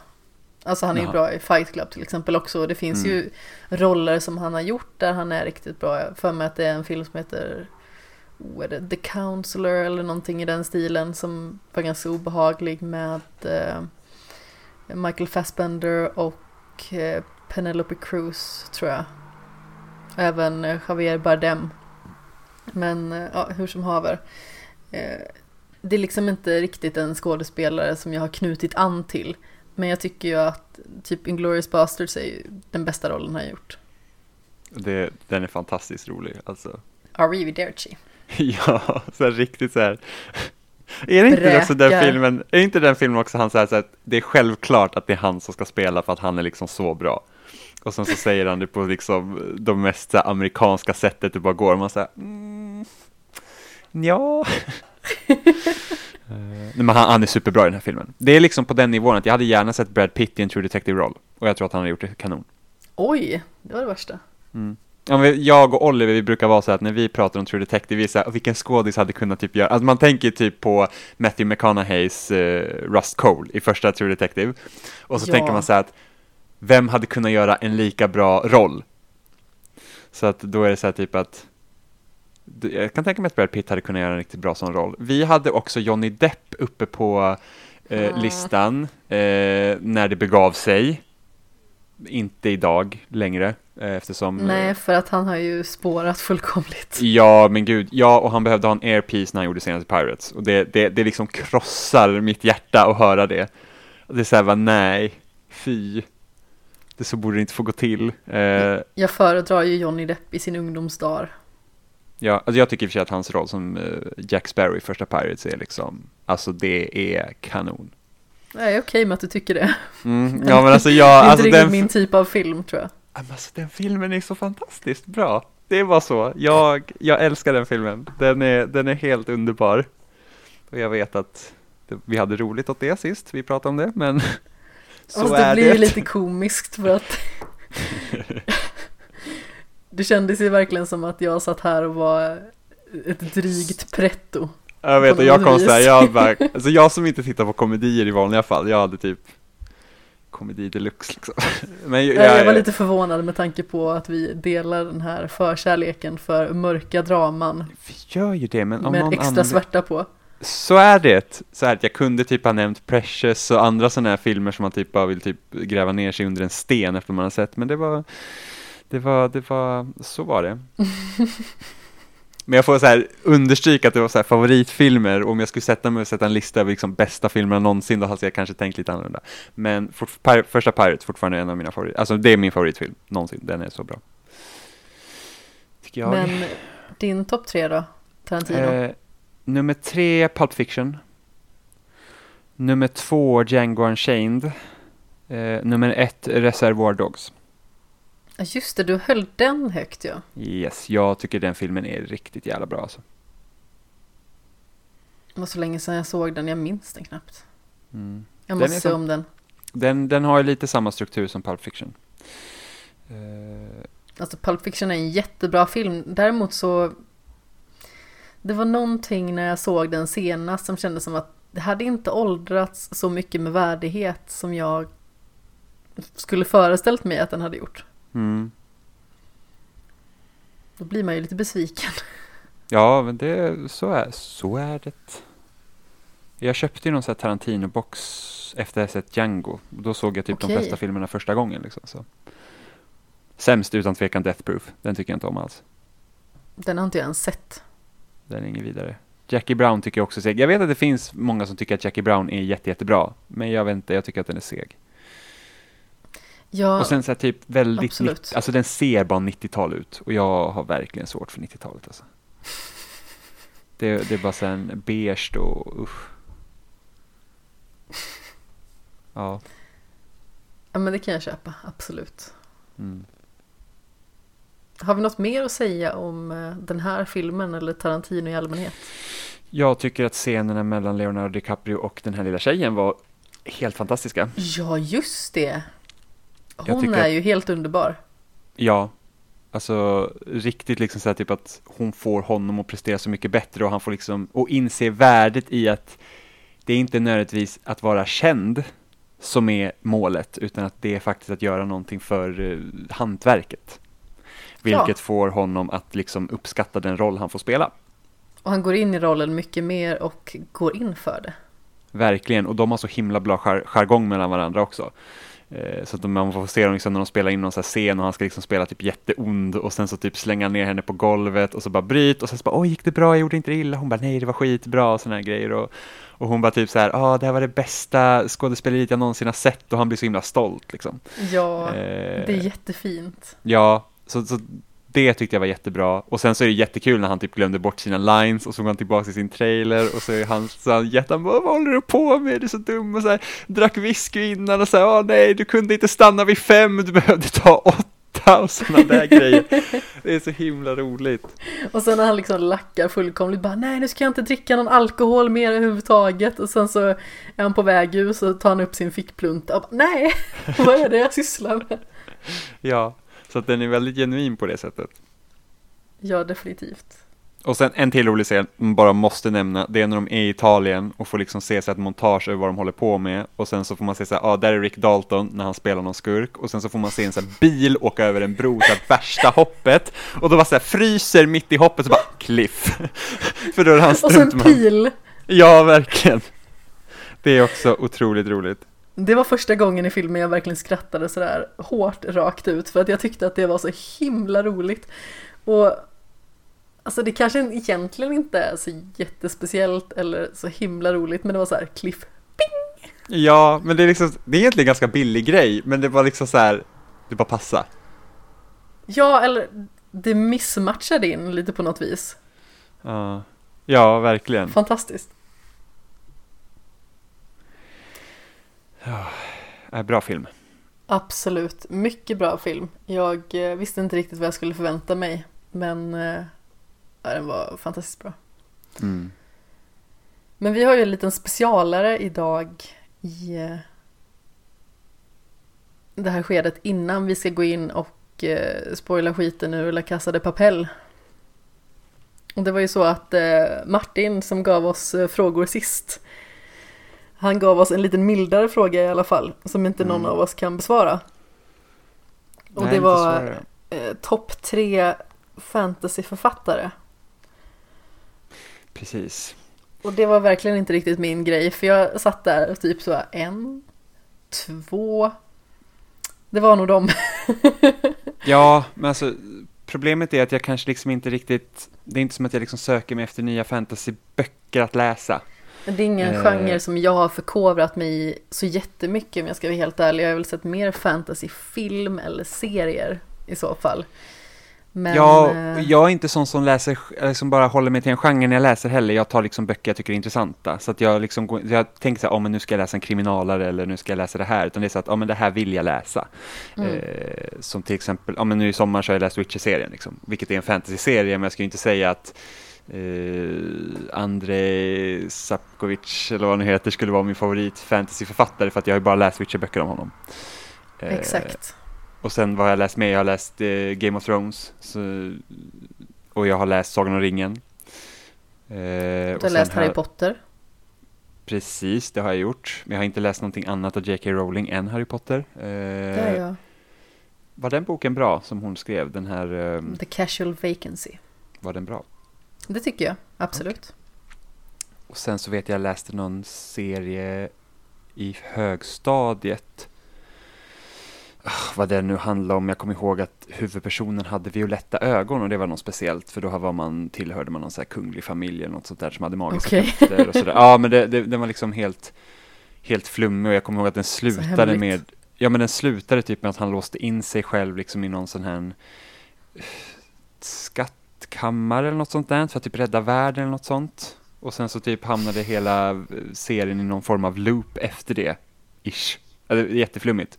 Eh, men det är liksom typ 15 år sedan jag läste den. Så, så det är inte så att jag går ut efter väg att läsa fantasy. Nej, inte jag heller. Är det någon genre som jag har grävt ner mig i djupare så är det väl kriminalare faktiskt. Så otippat. Tycker jag att eh, du är lite dömande här. jag kunde verkligen inte se det komma. Det var ungefär som slutet i Once upon a time in Hollywood. Vilken chock. Ja. Nej, men det är den genren som jag oftast dras till oavsett om det är liksom, film, serier, Mm. böcker och så vidare. Men Just för att jag du- tycker det är spännande med mysterium och sånt också. Men är du sån som läser då typ så här, typ Harry Bosch, liksom att du har, det är liksom här, det är, det är någon gubbe eller något som skriver om en typ smått alkoholiserad polis som löser brott i bok efter bok efter bok? Nej, det låter väl kanske inte riktigt som eh, Eller är det liksom så här, det jag läser. nej men då är det typ, är det, alltså, är det böcker som står för sig själva? Det är liksom inga serieböcker då, om man säger så. Både och. Bara- Mm.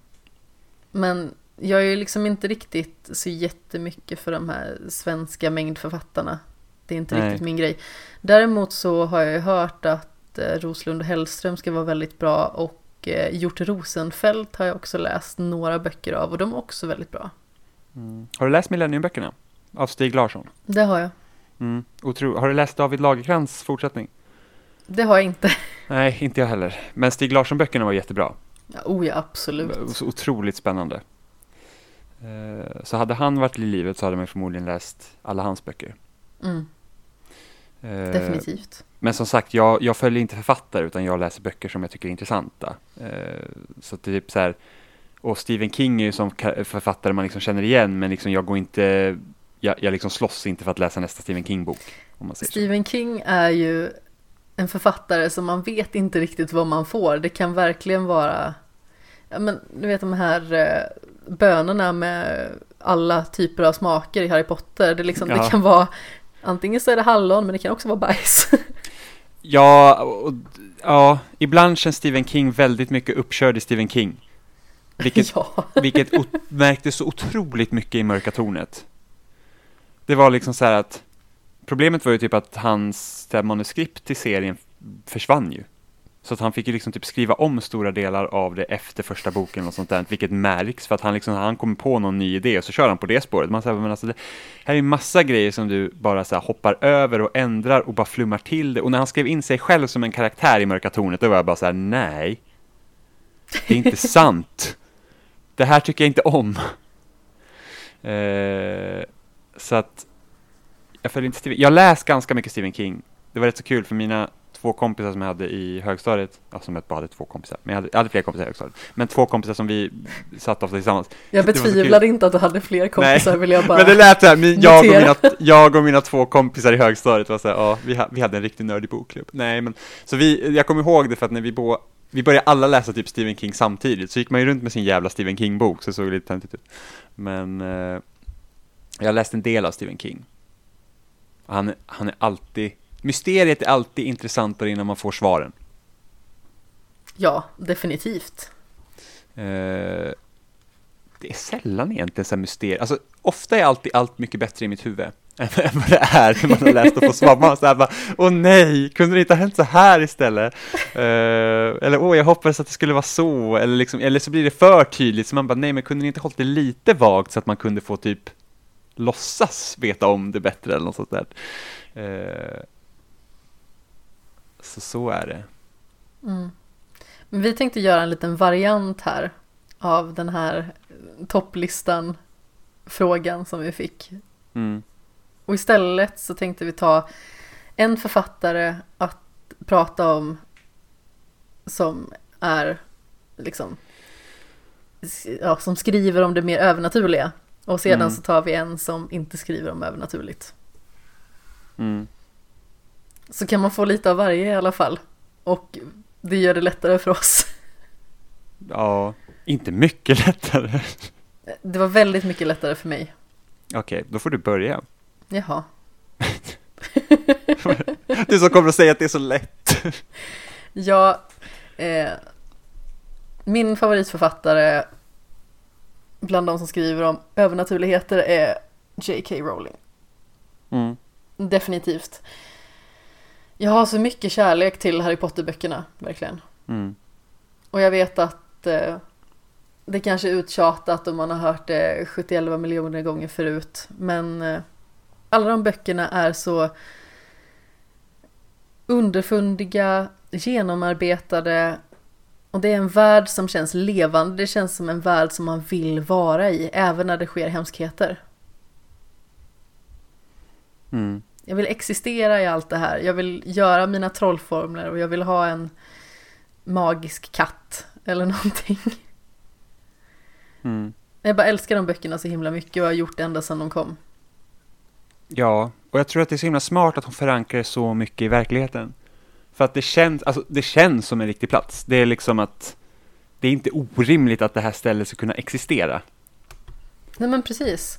Det, och sen när man läser om böckerna så märker man liksom hur mycket som varit planerat från första boken. Mm. Så att liksom karaktärer nämns vid namn som inte blir viktiga förrän kanske om fyra, fem böcker. Men de har Ja, ändå men funnits precis. där, liksom som en, som, en, som en viktig del i det hela, som liksom startar igång allting. Så att det, det är liksom, även om jag har läst dem så många gånger, nu är det länge sedan i och för sig jag läste dem sist, men jag brukade läsa dem typ en gång om året när jag var yngre. Eh, så liksom att de slutar aldrig att vara spännande. Fast man vet vad som händer. Det är alltid lika spännande att läsa dem. Jag håller med fullt ut. Och eh, nu senast upptäckte jag ju att man kan lyssna på böckerna. Och det var ju en fröjd i sig. Alltså Stephen Fry som är uppläsare. Alltså helt magiskt verkligen. Han ger alla karaktärerna en röst. Och man kan fortfarande se dem liksom utifrån det ansiktet som man har satt på dem. Mm.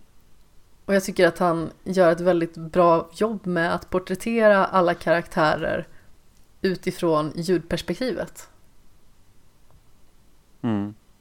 Och sen så är han ju charmig i allmänhet liksom och har en väldigt trevlig röst att lyssna på. Det finns ju många ljudboksuppläsare som inte alls är kul att lyssna på. Ja, då dör ju det Ja, oh helt ja. och hållet. Jag eh, lyssnar på en bok just nu som heter Öppnas vid händelse av min död. Som är eh, skriven av eh, Leanne Moriarty som också har skrivit eh, Big Little Lies. Mm. Alltså... Den uppläsaren är så dålig. Alltså dels så uttalen på väldigt många engelska namn och dylikt låter så malplacerat.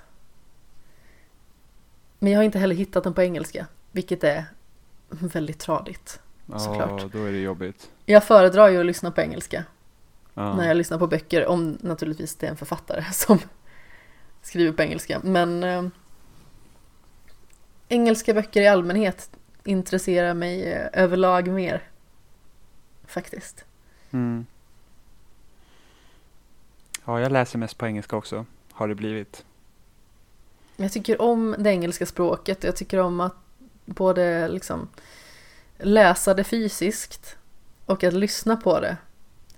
Alltså dels så naturligtvis så lär man ju sig en hel del på det, både när det gäller tonalitet och även när det gäller att utöka sitt ordförråd. Mm. Men det gör också att man kliver utanför sin komfortzon på något vis och kan eh, försöka ta in en större del av världen. Alltså jag menar, engelska är ett så stort språk. Mm. Så att konsumera mer och mer av det känns som en väldigt naturlig del av vardagen på något vis. Mm. Ja, verkligen. Men eh, din författare då, i eh, den övernaturliga genren? Alltså, ja, J.K. Rowling är ju ett bra val. Och jag känner att jag har ju en väldigt förkärlek till Harry Potter-böckerna jag också. Men om jag nu måste välja någon, och jag vill inte välja samma. Eh, Hade du tänkt att välja samma? nej, nej, alltså jag hade inte riktigt tänkt på det så förrän du sa det. Jag tänkte det är fan sant, alltså jag älskar Harry Potter-böckerna. Eh, men jag tror nog att det blir typ, alltså det måste nästan bli George R. R. Martin där faktiskt. Ja. eh, som fantasyförfattare. Och, så, och som sagt, jag har inte läst jättemycket fan, fantasy. Jag har liksom läst, om Sagan om ringen, Vilket, och jag vet att många typ hädes över det här, men jag tycker ärligt talat att vill, vill man konsumera Sagan om ringen, kolla på filmerna. För att böckerna kan bli jävligt långrandiga, alltså det är, så tolken beskriver typ varenda minsta lilla sten liksom i en dunge, så att man blir bara så här, kom igen. Jag vill härifrån. Precis. Men det kan också vara väldigt, väldigt bra och spännande också i de böckerna. Jag var också ganska ung när jag läste Sagan om ringen, så att jag kanske hade sett på en annan syn idag. Men Det var jag också.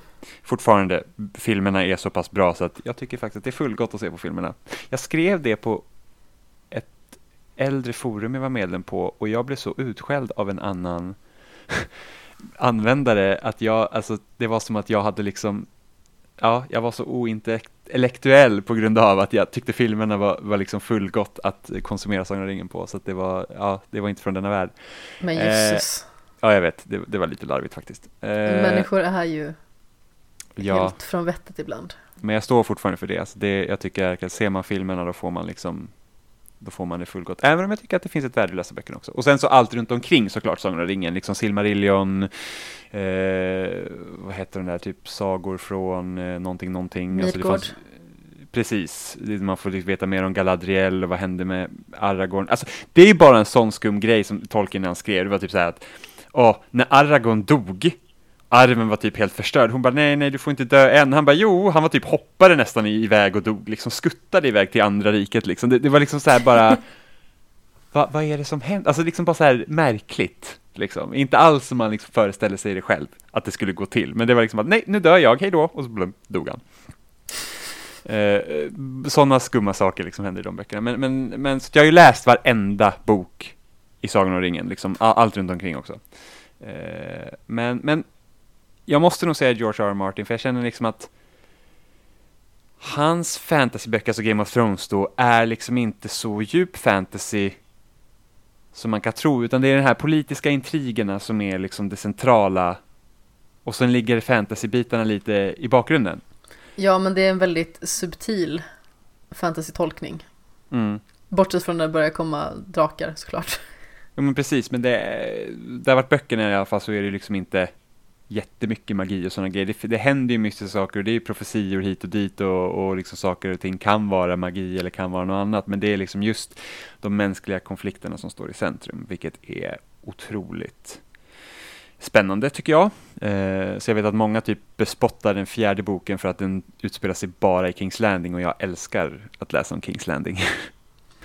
så att eh, liksom man får mycket av den varan och det är liksom det är många karaktärer att hålla koll på och, och sättet liksom att just och det som då tv-serien missar på mot slutet det här med att folk agerar och det blir konsekvenser. Det försvann i tv-serien medan i böckerna så är det väldigt mycket där fortfarande. Liksom det är så att okej, John gör den här och därför blir han huggen liksom av, av The Night's Watch. Eh, och det kommer få en helt annan eh, liksom konsekvenser än vad tv-serien visade. Eh, vi har, ja men när karaktärer gör som de gör så vet man att det kommer spinna iväg och det är väl lite mycket till hans nackdel också eftersom han har sått små frön lite här och var som han måste utforska. Vilket gör att bokserien 1 tar lång tid att skriva, 2 att den blir så mycket längre än vad det var tänkt att bli. För egentligen skulle det bara vara bok 1, 2, 3. Eh, och sen så skulle det bli fyra böcker till. Och bara två har kommit ut. Ja, det finns ju en stor risk att han gör en Robert Jordan på oss. Ja, Trillar av pinn innan allting är klart. precis. Eh, Men man har ju sina förhoppningar ändå om att han ska lösa det någonstans. I och Ja, med att, nu har inte jag läst alla böcker än. Tyvärr. Ehm, Men jag tycker att han skriver otroligt bra. Och framförallt, just som du säger, de här intrigerna. Det är ju som riktigt bra fantasyförfattare gör, att de tar en problematik och så sätter de det i en övernaturlig kontext för att det ska bli ett annat sätt att hantera det på.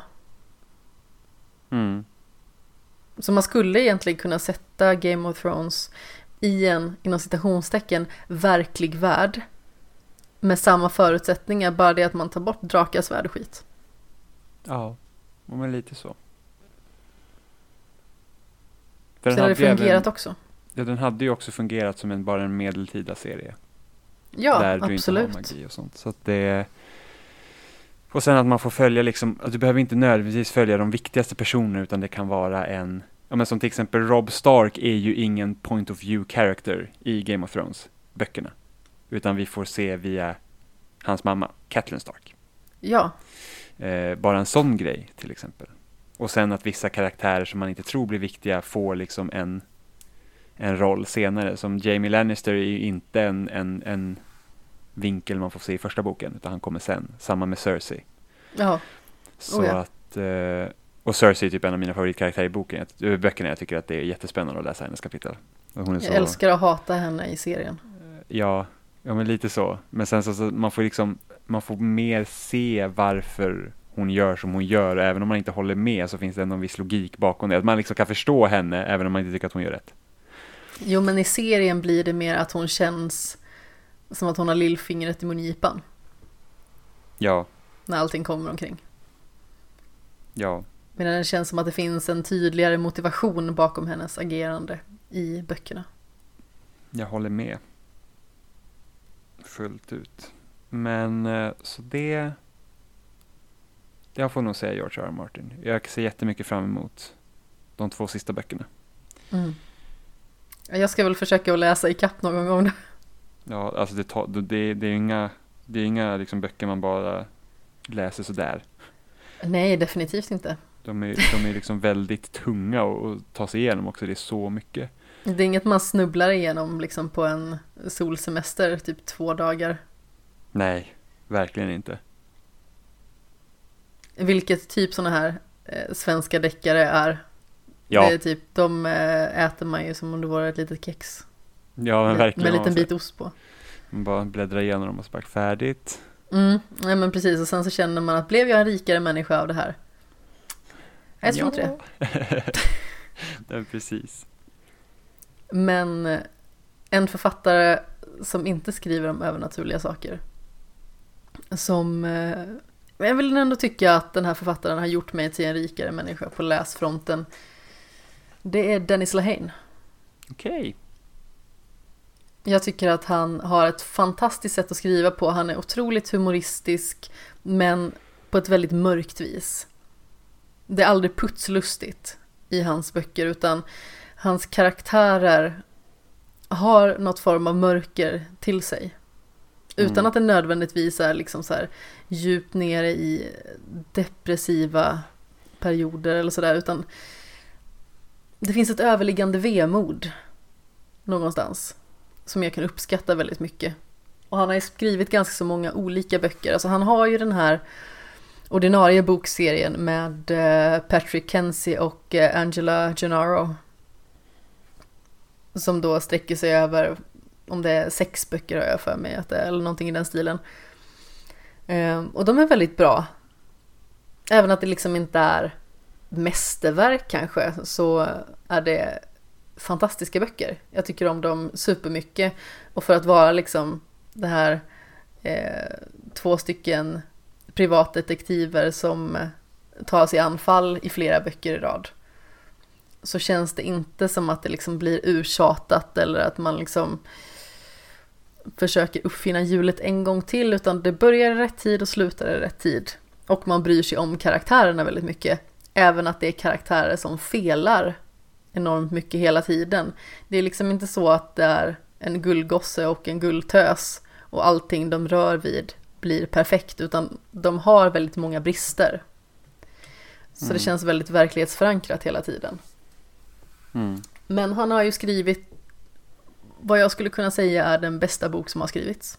Jaså? Och det är ju eh, Patient 67. Även känd som Shutter Island. Aha! Som eh, inte alls är lika bra i filmform. Jag vet inte, jag vet inte om jag har sett Shutter Island. Alltså det är ju med Leonardo DiCaprio. Ja, just det. I huvudrollen. Jo, jag kan nog ha sett det. Vem är med i den? Inte, jo! Inte Mark han... Ruffalo. Yes, jo, jag har sett den här filmen. Filmen är bra, absolut. Jag säger ingenting om det. Men folk var ju så här upp över öronen när den kom och så bara den måste få en Oscar och den är helt fantastisk och den är banbrytande. Och bara, Nej det är den inte, boken är det. Mm. Boken är briljant, verkligen. Jag känner att jag sitter typ så här smyghoppar lite i min gungstol när jag börjar prata om den för jag blir så exalterad. Men jag har läst den här boken så många gånger och första gången var på en strand i Caorle i Italien. Och jag tror att det tog nog mig kanske en dag att läsa ut den här boken. Mm. Jag kunde inte slita mig. Och jag läste om sista kapitlet, eller eh, slutorden, eller man ska säga, tio gånger. För att verkligen få grepp om vad tusan det var som egentligen hände. Jag vill inte spoila den för jag antar att du inte har läst den. Jag har inte läst den. Alltså den fungerar lika bra på svenska som den fungerar på engelska faktiskt. Översättningen är väldigt bra. Mm. Så eh, all cred till den som har översatt boken helt enkelt. För den fungerar så otroligt väl. Jag var nog inte så jättegammal när jag läste den heller. Så jag vet inte om jag hade förstått fullt så mycket som jag ändå gör nu. Alltså det är svårt att greppa boken ändå. Men att läsa den på engelska då hade kanske varit lite mastigt. Men jag har ju läst den på båda språk och lyssnat på den flera gånger. Men det handlar ju om en eh, man som ska åka ut till en ö. Och eh, han är där med sin poliskollega. De är nystationerade båda två och de ska ut till den här ön där de bevarar mentalpatienter. Mm. Som eh, i det här fallet är det en av dessa som har eh, rymt. Och man hittar inte henne någonstans. Och eh, sedan börjar väldigt mystiska saker hända. Det kommer olika typer av koder, anagram, alltså sådana grejer. Det var jag helt uppslukad i när man såg de här eh, anagrammen uppstyltade i boken och man började liksom så här sitta och nästan dra med en penna i boken. Bara, jag måste ta reda på vad det här betyder. Det var ju Mm. jättespännande, vilket liksom naturligtvis då fallerar lite grann om man bara ska lyssna på den.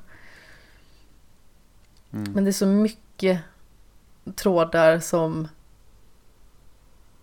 man inte hade kunnat föreställa sig. Mm. Ja, den är så fantastiskt bra. Och precis som jag sa innan, slutet.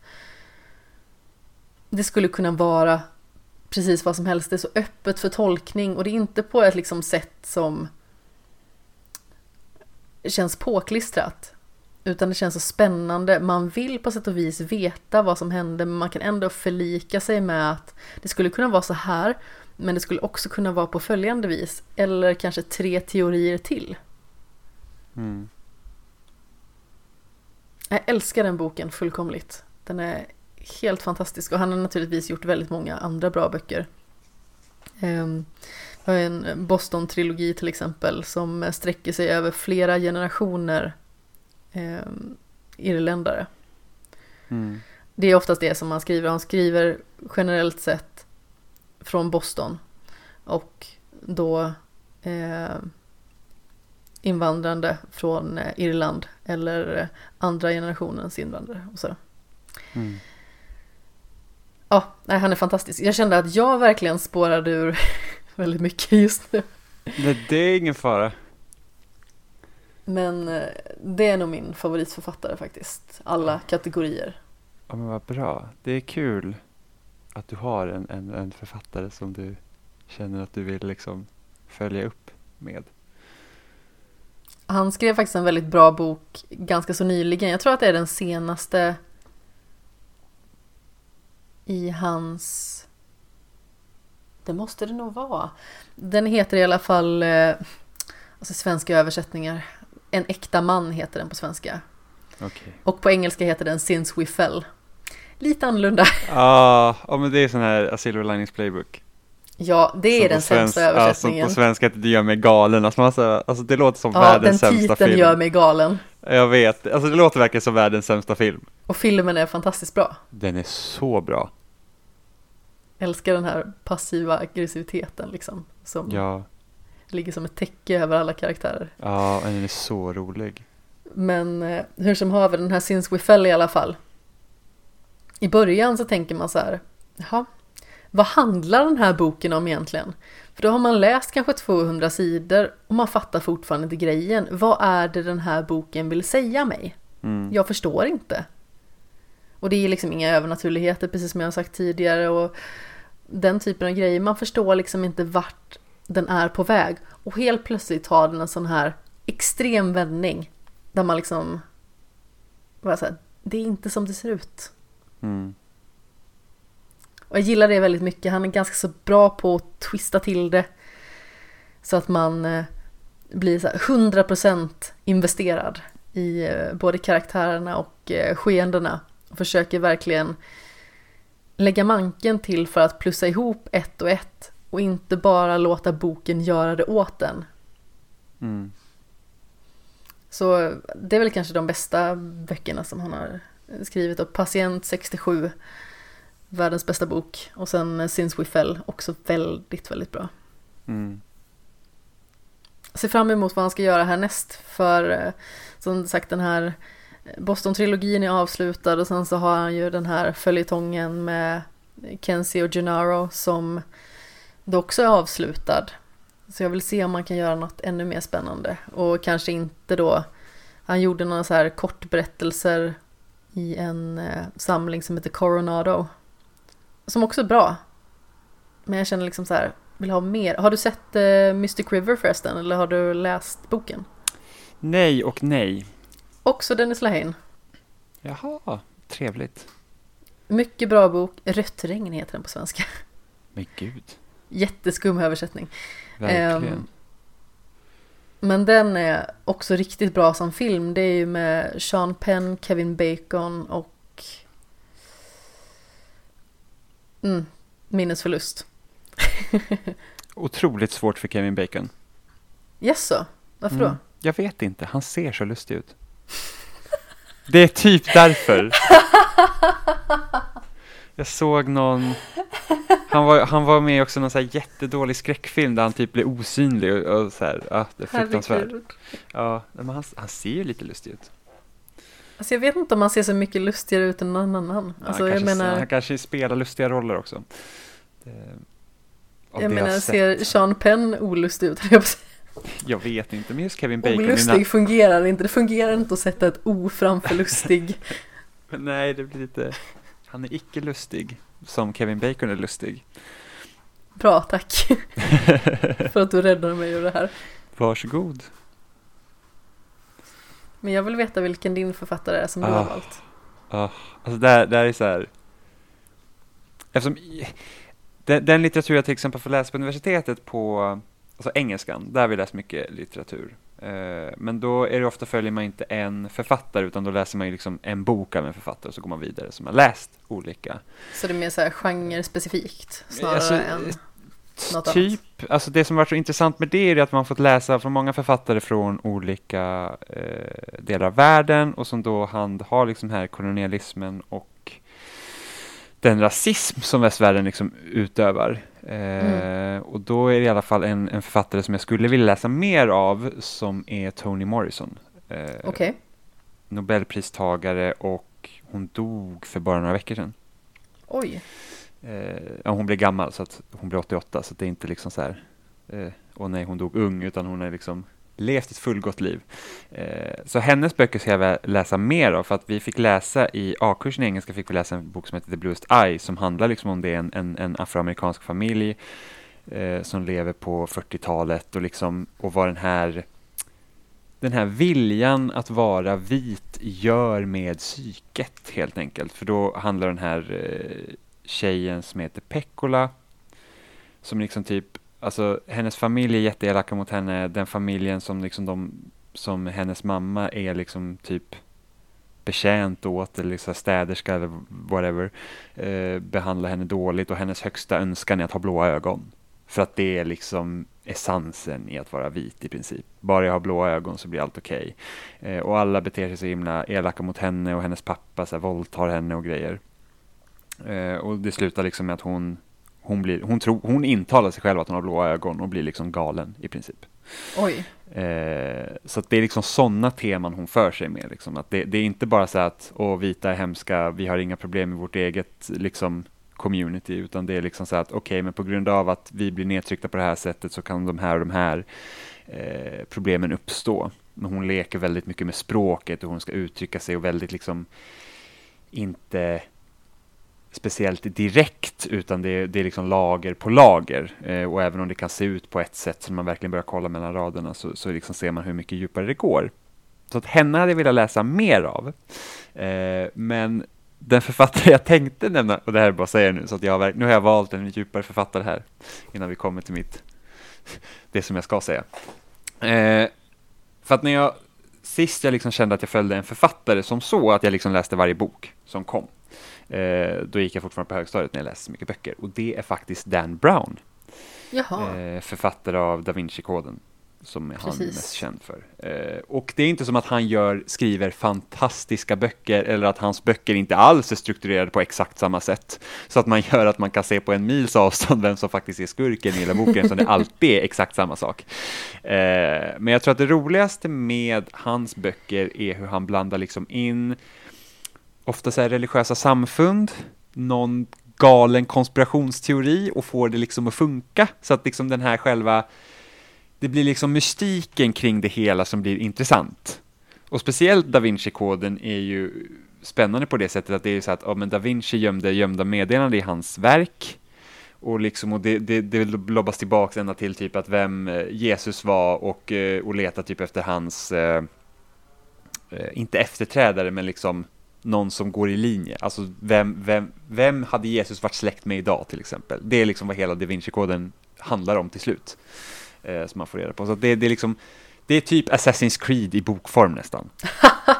liksom att, att, att man, man, väver in liksom så gamla konspirationsteorier i liksom kända verk liksom i historia, vilket är jättespännande. Och det är, liksom, och det är precis som de böcker du pratar om, att det, är så här, det ger egentligen inte så mycket. Det är sånt man läser på stranden när man inte har något annat att göra, men det, det är, liksom, det är spännande för stunden. Eh, och faktum är att jag tror den bästa boken som jag tycker att läst av honom, det är ju Änglar och Demoner. Okay. Eh, och det är den första boken med Robert Langdon. Har inte läst. Har du inte sett filmerna heller? Nej. Ja, filmerna är inget bra. Alltså, jag har sett uh, Da Vinci-koden, men jag tror mm. att jag somnade någonstans, för jag minns ja, den inte.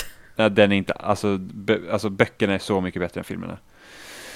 Eh, och liksom, jo men så långt har jag förstått.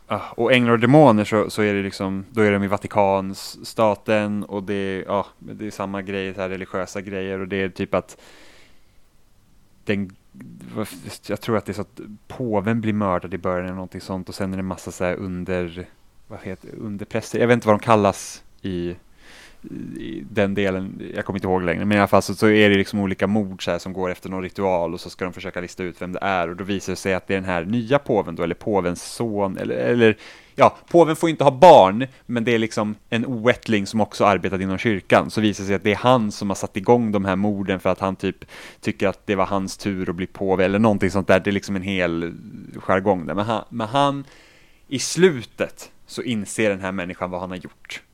Och jag kommer ihåg när jag satt och läste det, för att det, klockan var liksom sent, eh, och det var skola dagen efter, och jag liksom kunde inte sluta läsa, det var typ hundra sidor liksom kvar. För det var så spännande.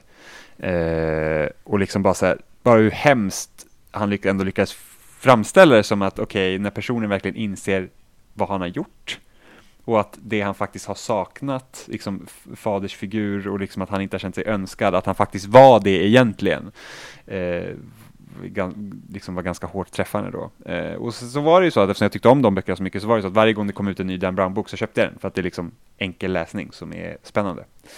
Eh, men det är väl ungefär så nära som jag skulle komma att jag liksom följt en författare och läst varenda bok. Det gör jag liksom inte. Det är inte som att jag köar på Dan Brown-böcker idag, men så var det i alla fall då.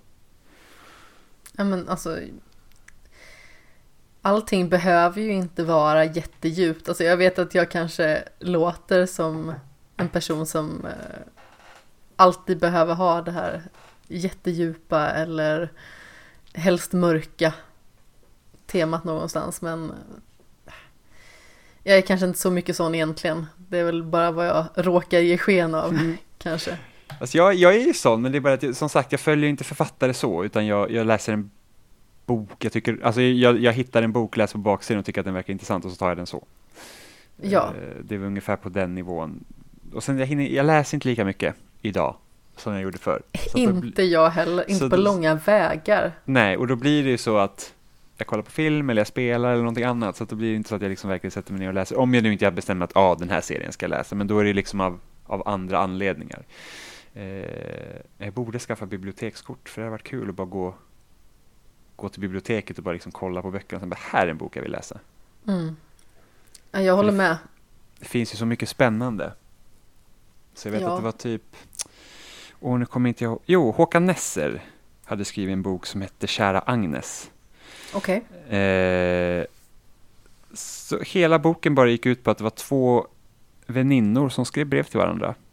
Och det var så den boken liksom utspelade sig. Så att man fick bara läsa det som de skrev till varandra helt enkelt. Och så var det en mordhistoria inbakad i det. Så det var liksom en så här väldigt spännande grej. Den var typ 180 sidor kanske. Så att, så att det, det är liksom det är kul att hitta sådana grejer där liksom inte säger åh, det här är inte riktigt vad jag väntade mig. Eller det här var annorlunda. Ja, jag håller med fullt ut. Mm. I dagens läge så blir det mer att jag lyssnar på ljudböcker. Och det kan inte jag göra. Jag kan ju göra det när jag eh, pendlar till exempel. Jag sitter ju, då börjar jag hålla på med telefonen eller någonting annat. Då, då koncentrerar inte jag mig på boken. Jag, ska brukar pausa ifall jag håller på med telefonen. Ja, men då ska jag ju få pausa hela tiden. då ska inte jag liksom... Ja, i och för sig, jag brukar typ spela så här, threes på telefonen samtidigt som jag lyssnar på poddar och då är det väl lättare. Men jag känner att böcker vill jag verkligen så här hänge mig helt när jag gör det. Att, och sen jag gillar ju att läsa. Så att jag, jag tycker om att ha den fysiska boken och hålla i. Mm. Det gör jag också egentligen. Det är bara det att jag tappat det. Sedan inte- jag fast- eh, fast blev även- vuxen. Fast även när du pendlar, du, du kan liksom inte få ro när du sitter och pendlar på tåget. Nej. Ah, Okej, för det, det är ju så jag har läst Witcher-böckerna i sommar, då har jag läst på tåget. Är det inte samma sak längre? Jag har en bok som eh, ligger i min skämshög. Den finns inte i ljudbok. Inte där jag har sökt i alla fall. Jag har Storytel. Mm. Och det är en eh, bok som heter Jag är Gud. Av eh, Giorgio Faletti. Som en författare som jag gillar väldigt mycket. Som har skrivit eh, två böcker som heter eh, Jag dödar. Och eh, Ögat som ser. Och de är ruskigt bra thrillers. Mm. Men jag har typ börjat på Jag är Gud säkert tio gånger och jag kommer typ aldrig längre än sidan 40. Oj.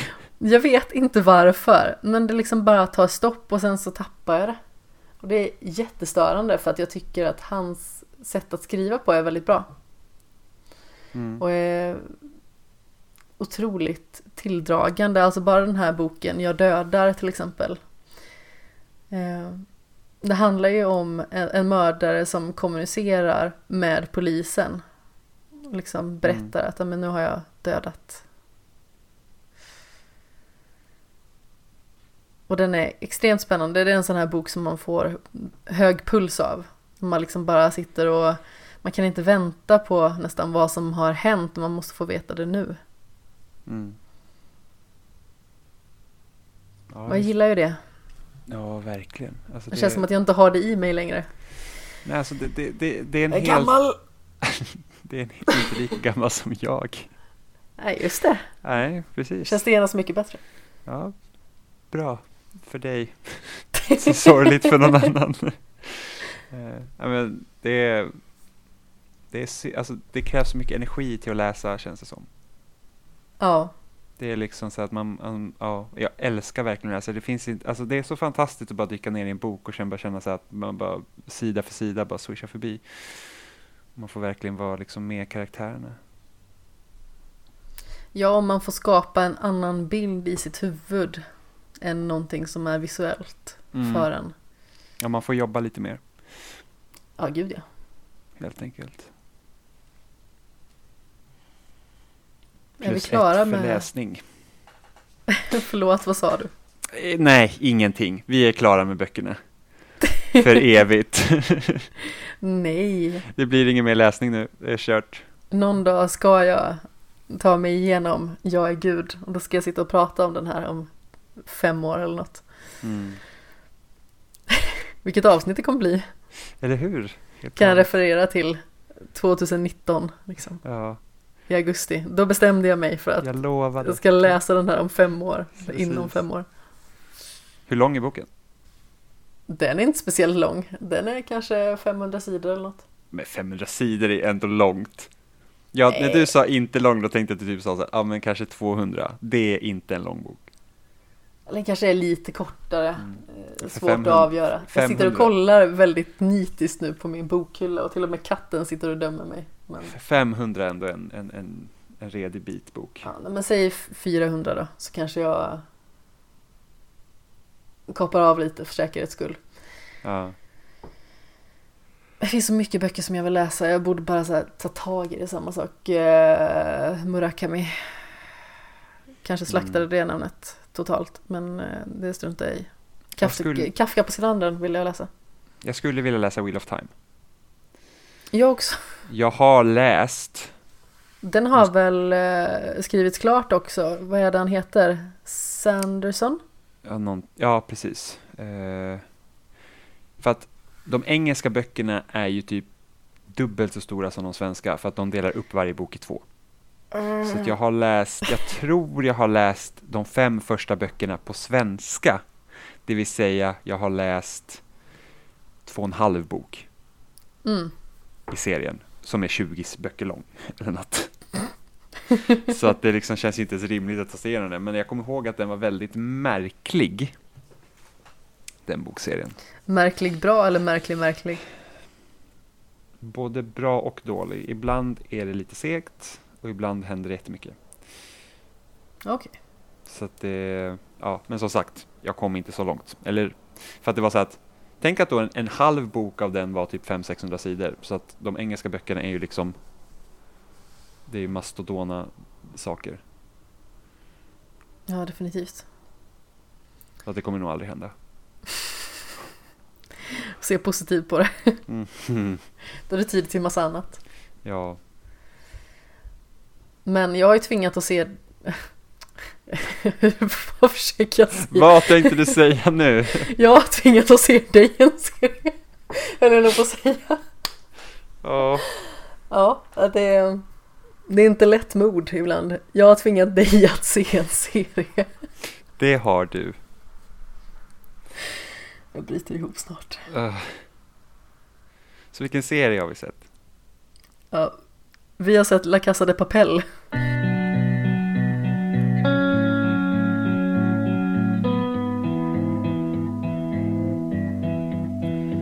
If I stay with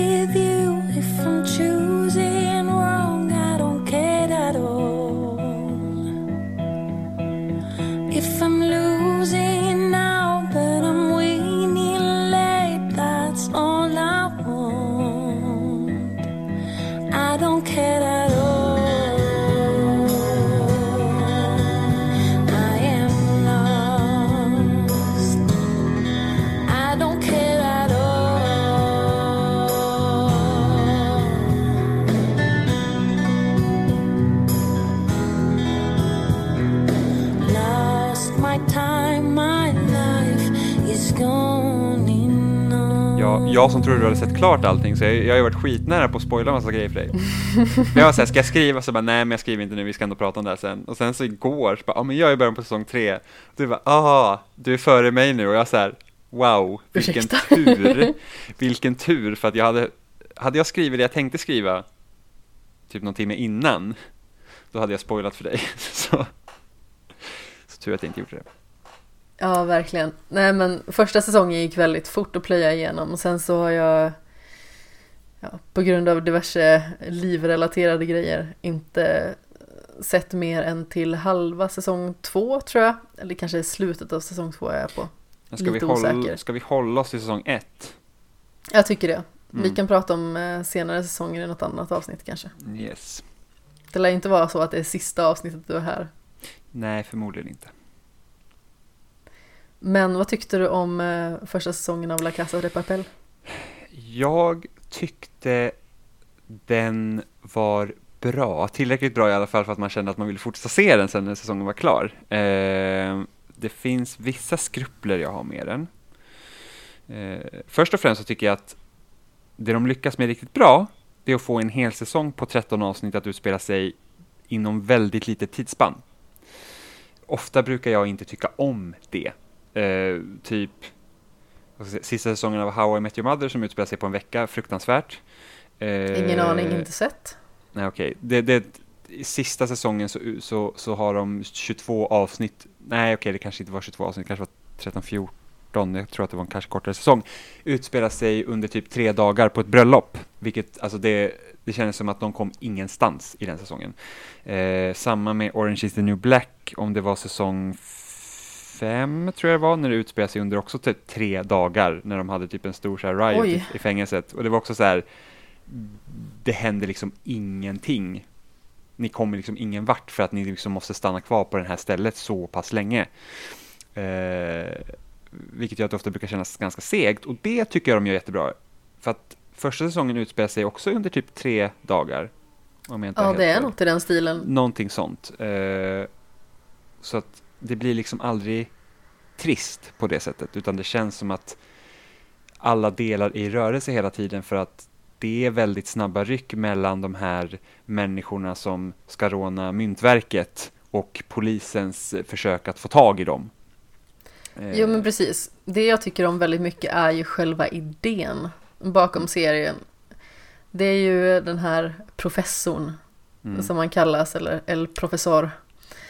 Som eh, drar ihop ett gäng av väldigt mycket löst folk, höll jag på att säga. mm, Men eh, diverse kriminella och eh, kapabla att eh, råna, precis som du nämnde det här myntverket. Så han har eh, en storslagen plan som de ska reka i fem månader. De ska liksom gå igenom varenda detalj för att dels kunna bryta sig in, de ska kunna lokalisera alla övervakningskameror, kommunikationsmöjligheter till omvärlden, vad som finns inne i myntverket. Hela balletten ska de köra igenom på fem månader. De får inte veta varandras riktiga namn. Bara för att man Vi- inte ska kunna avslöja i efterhand. vilket jag tycker är en helt genialisk grej. Ja, Jag tycker att det är så himla bra när de kallar varandra för de här namnen också, man måste säga att det är så himla catchy. Det är fantastiskt tycker jag.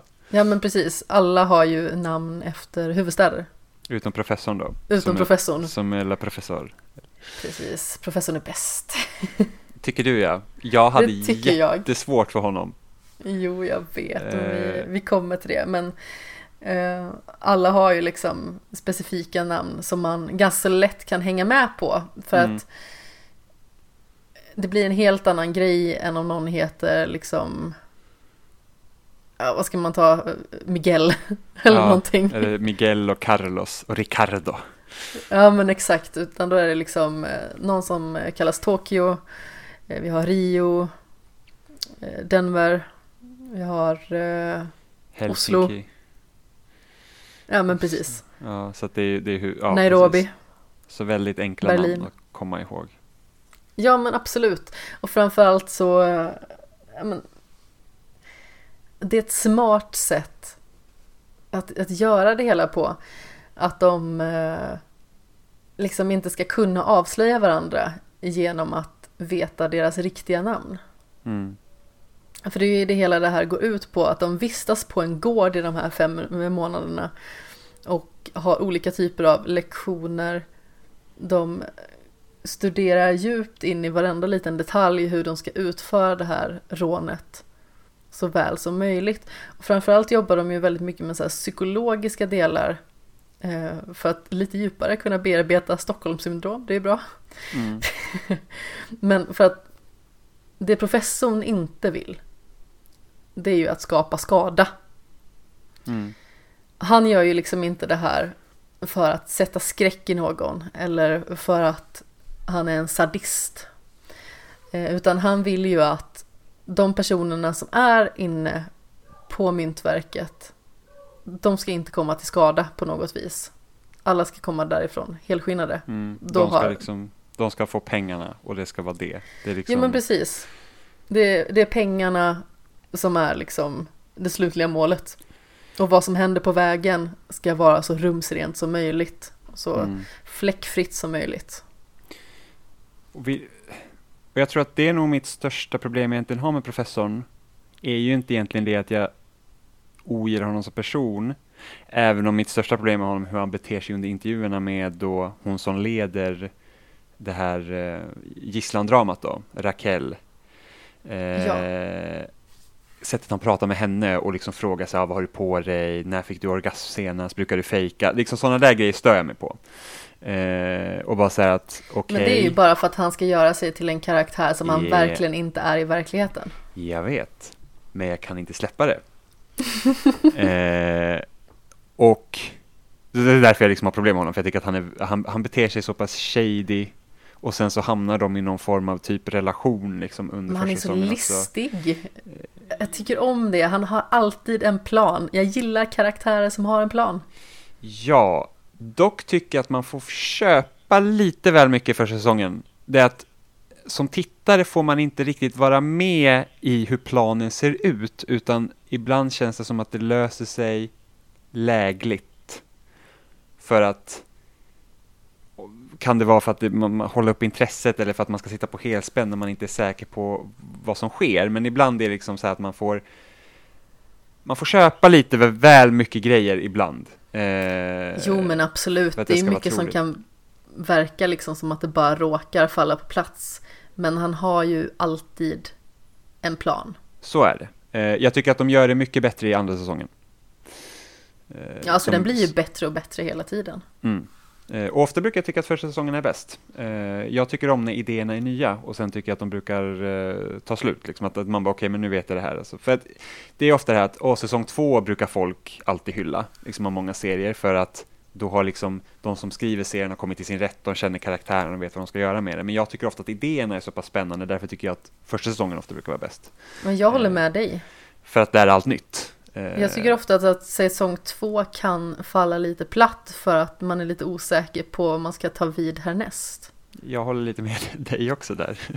Faktiskt, att jag blir alltid förvånad när folk säger att säsong två var så bra. Man bara, men säsong ett var bra. Ja men precis, för det är där grunden är någonstans. Men det är ju samma sak om vi tar Game of Thrones bara som vi pratade om tidigare. Det kanske inte är den bästa säsongen, men jag ser väldigt starkt på den Mm. säsongen. För att den är banbrytande, den sätter tonen för vad Game of Thrones är för någonting. Mm. Alltså det är en serie som är fullkomligt skoningslös. Ja, Kanske inte riktigt på samma sätt de sista två säsongerna, men fram tills dess.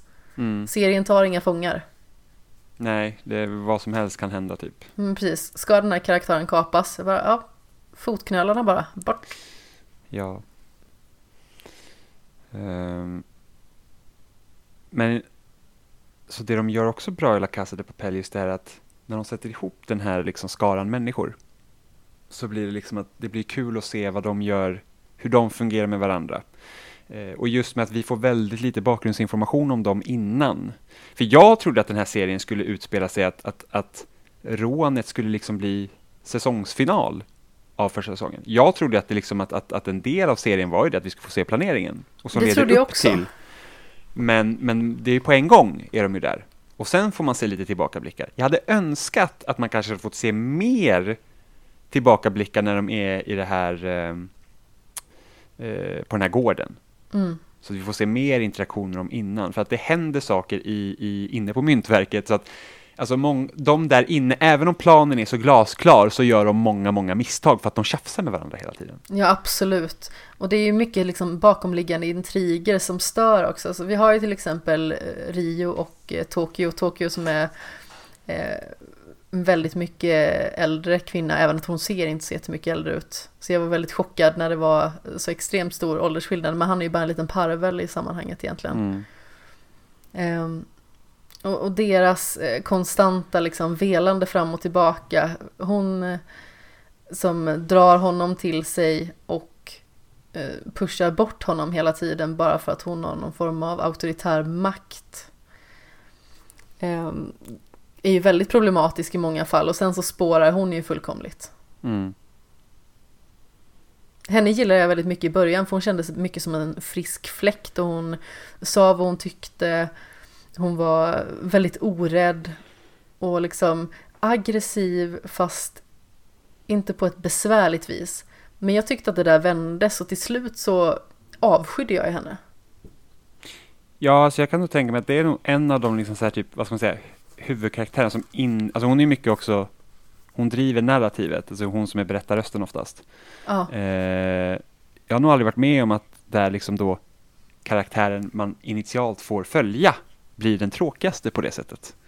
Eh, I den här kontexten. För att jag tycker nästan alla de andra, ja, kanske förutom typ Oslo, är liksom intressantare. eh, men liksom tar, tar man även typ en karaktär som Berlin till exempel. Alltså, Ja. så här, sägs vara empatilös, även om jag tror att det är lite bullshit. Det är hans persona. Eh, även om han inte är en bra person. Så, så den skådespelaren har en sån otrolig utstrålning.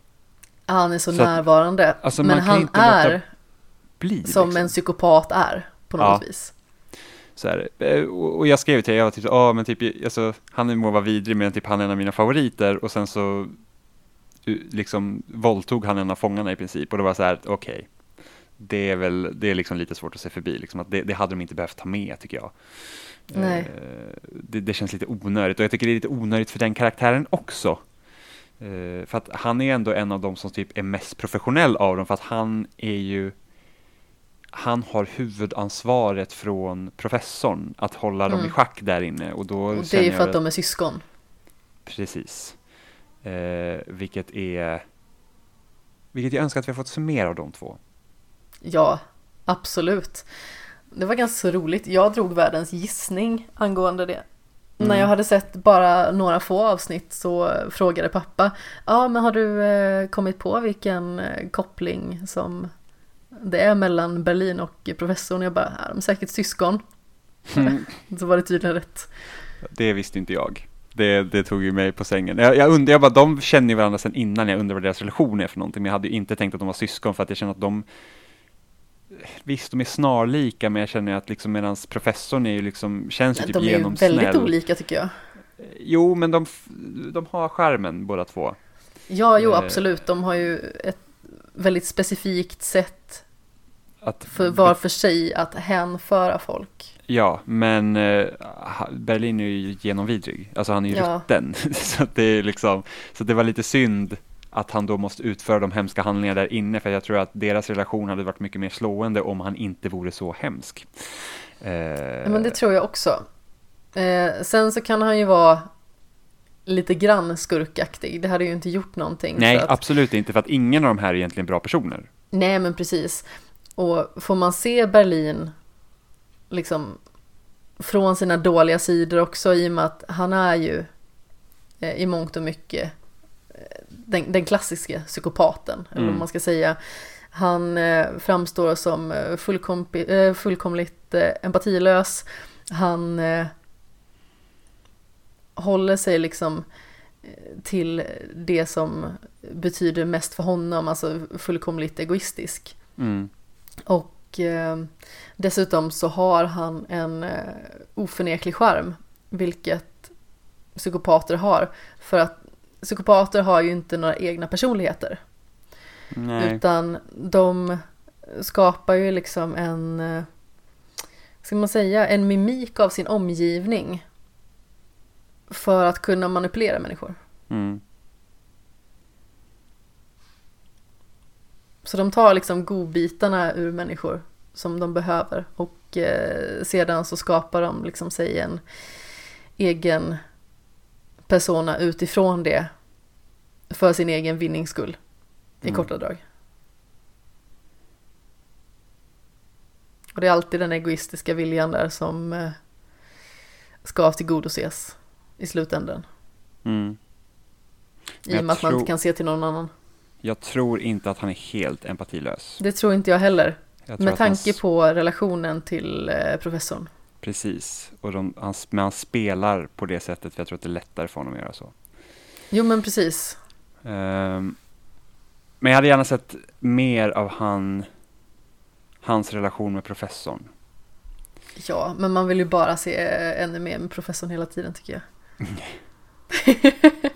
du är så besviken på mig, känner jag. Ja, men, men jag, jag är team professor nu. Jag är på början av säsong tre. Eh, Ja. Som börjar väldigt bra. Jag är så lycklig att du är omvänd. Ja, jo men det tog ett tag. Men jag gillade honom från sekund ett. Från liksom bildrutan när han vevar ner rutan och eh, liksom ber Tokyo att sätta sig i bilen Mm. för att han har en plan. Mm. Då var jag fullkomligt med på tåget. Jag, så här, ja, jag hade sagt ja till professorn vilken dag som helst. Det är typ så jag känner. Ehm, men han har ju sådana myskofika saker för sig. Alltså dels så sitter han ju i en kommandocentral i mångt och mycket och har kontakt med Raquel. Och sen så har han ju också kontakt med eh, framförallt Berlin inne Mm. i myntverket. Så han har ju liksom den funktionen men samtidigt så smyger han omkring och eh, planterar bevismaterial och sådana saker bara för att eh, sätta dit någon ifall det skulle behövas. Eh, Mm. Och han inleder ju också en relation med Raquel i verkligheten och hon vet ju inte om att professorn och Salva är samma person.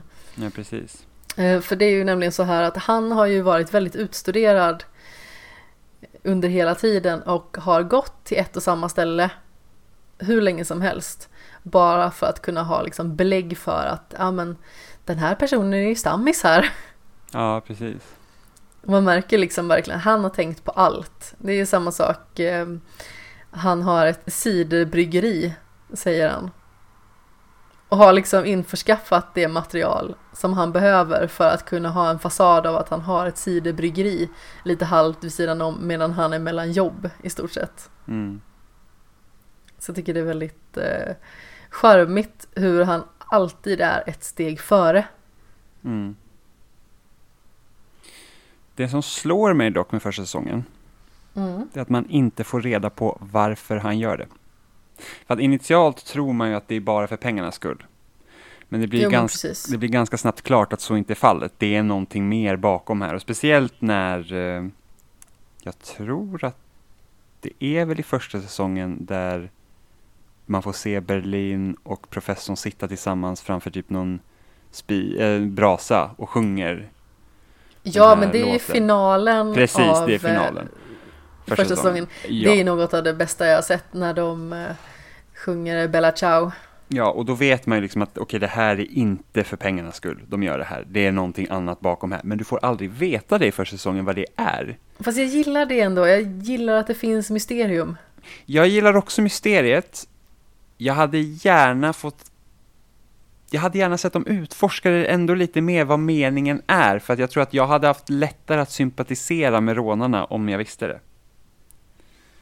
Ja, men det är väl Eh. mycket möjligt. För att jag tror att jag hejar mångt och mycket på polisen. Ja, men på sätt och vis gör man ju det. Jag hejar ju på professorn och Raquel som par. Mm. Bara för att jag tycker det är så himla härligt, för hon misstänker ju honom från första sekund. För att han Mm. beter sig lite tafatt och, och sådär. Och är väldigt intresserad av polisutredningen. Så hon liksom bänkar honom fullkomligt och är beredd att sätta på honom bojor och eh, undrar liksom vad det är han är ute efter egentligen. Och då är det liksom så här, ja men han är ju stamkund här och har varit det i flera veckor. Det är ingen fara, du kan släppa honom. Och han ser lite så här tilltufsad och förtappad ut. Som han väldigt lätt gör. Mm. Och sen när de är på deras första dejt så riktar hon ju en pistol mot honom. Det är också väldigt... Jag såg den komma ändå. För Mm. hon agerar lite, vad ska man säga, lite spidat i sin glädje. Sådär. Och eh, hur hon är mot honom. Och det är liksom så här, men kolla under bordet. Initialt så ska man ju liksom tänka så här att det är någonting perverst som är på väg att hända. Mm. Men det är att hon sitter med en polis och så går, eller med en polis, med en pistol. Och så ska de gå tillbaka till hans eh, tillhåll. för att liksom spana in den här cidertillverkningen och Mm. eh, vart det är här han bor för någonstans. Och sedan eh, uppstår ju tycke när hon förstår att ja men han är ju bra egentligen. Eller är han? Ja, Och han lurar henne hela tiden och visst det är jättesvinigt men jag kan liksom inte låta bli att tycka om honom för att eh, skådespelaren, vad är det han heter? Åh, eh, Alvaro Morte tror jag han heter eller någonting Mm. i den stilen. Han är så himla perfekt i den rollen för vi har ju dels det här torra, liksom så här, han är en professor liksom i, i den bemärkelsen liksom att han lär ut han har en plan, han ser till att allting ska lösas till punkt och pricka. Men sedan så har han ju liksom inga problem med att gå hur långa längder som helst för att få sin plan att gå i lås. mm. Dels det och dels så har vi den här sidan när han liksom ska charma henne och han är så... Ja men... Det är någonting med hans leende, okej? han ser lite busig ut. Ja, men dels det och så, vi har den här tafattheten och liksom han ser lite ut som en borttappad hundvalp som man bara vill ta hand om och så kommer det här leendet och man bara Åh du, det är klart jag ska ta hand om dig. han är ju så genomskärmig bara på alla plan. Jag kan inte låta bli att tycka om honom. Mm. Ja, det är...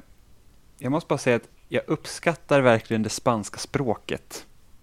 När man ser den här Jaså, det gör serien. Ja, ja men alltså det blir så här att... Alltså, jag har ju läst, lite, jag har läst spanska i högstadiet. Att, Det har inte jag så att jag är inte, jag är inte helt ofamiljer. Äh, min spanska utbildning var otroligt inte bra.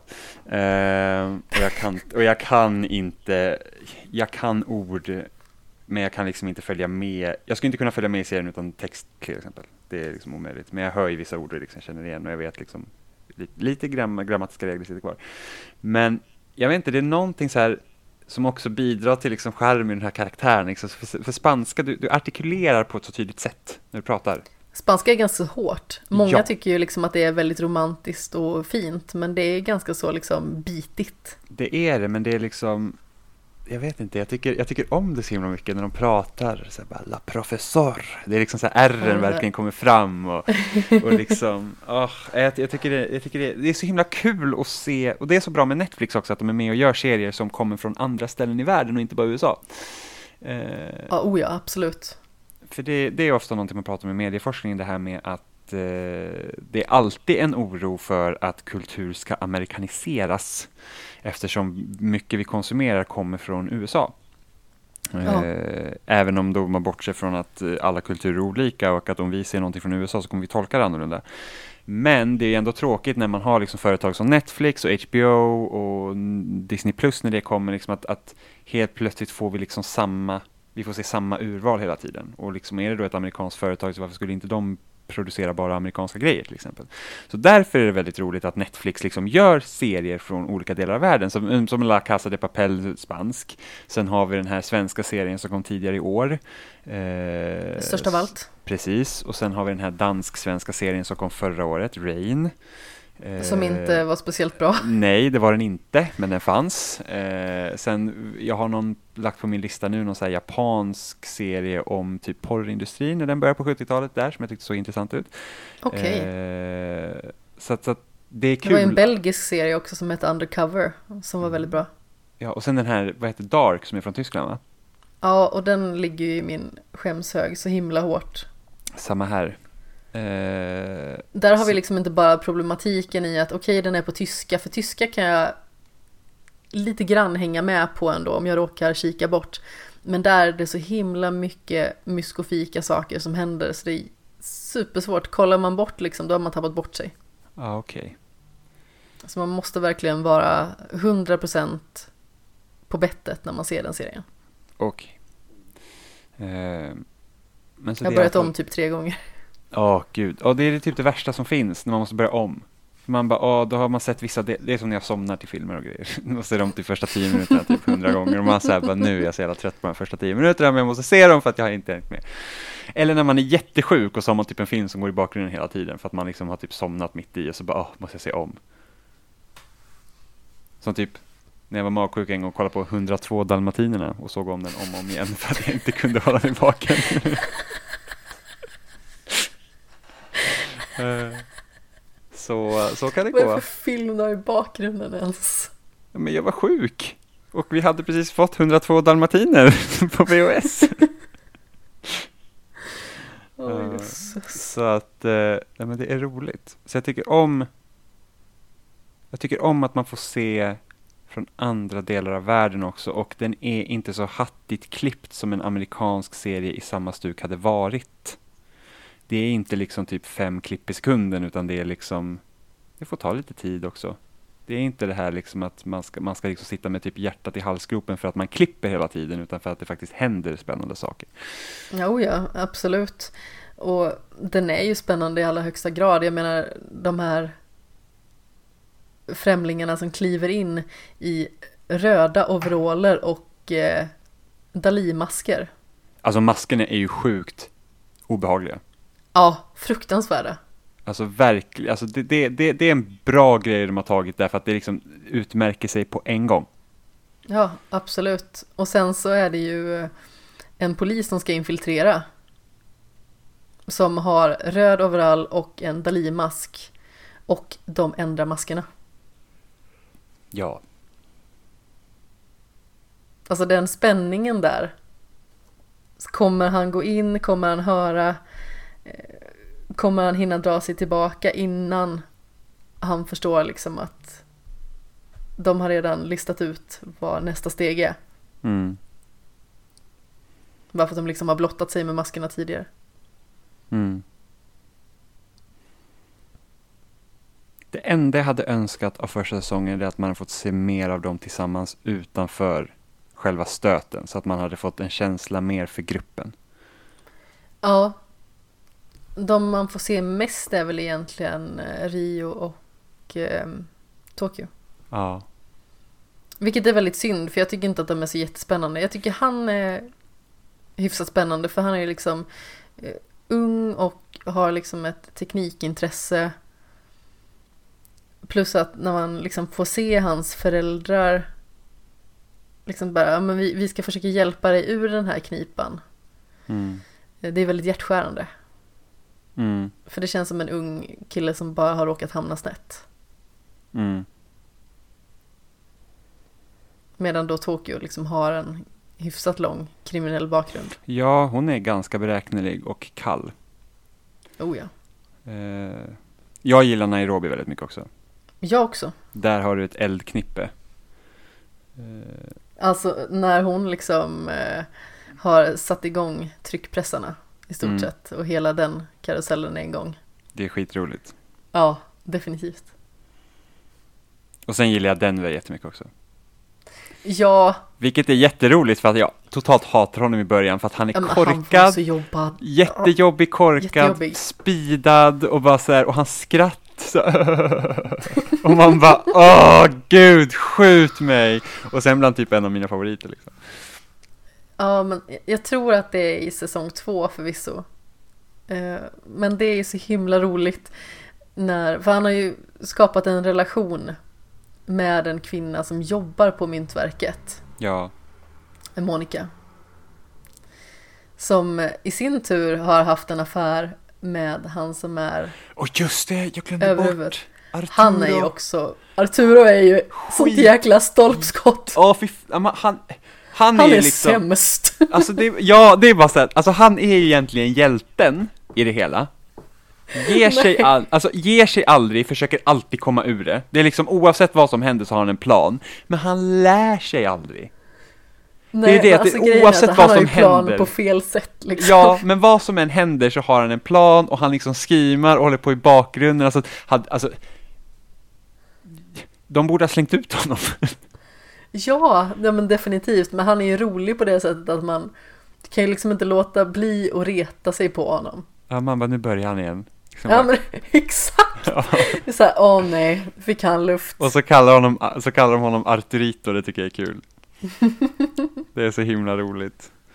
Eh, Ja. Det är, ja, nej, sjukt jobbig. Alltså man bara nu kommer han där och stör igen.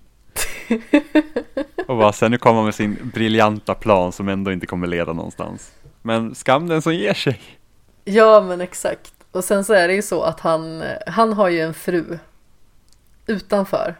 Och han har en affär med Monica som Mm. då har en affär med Denver.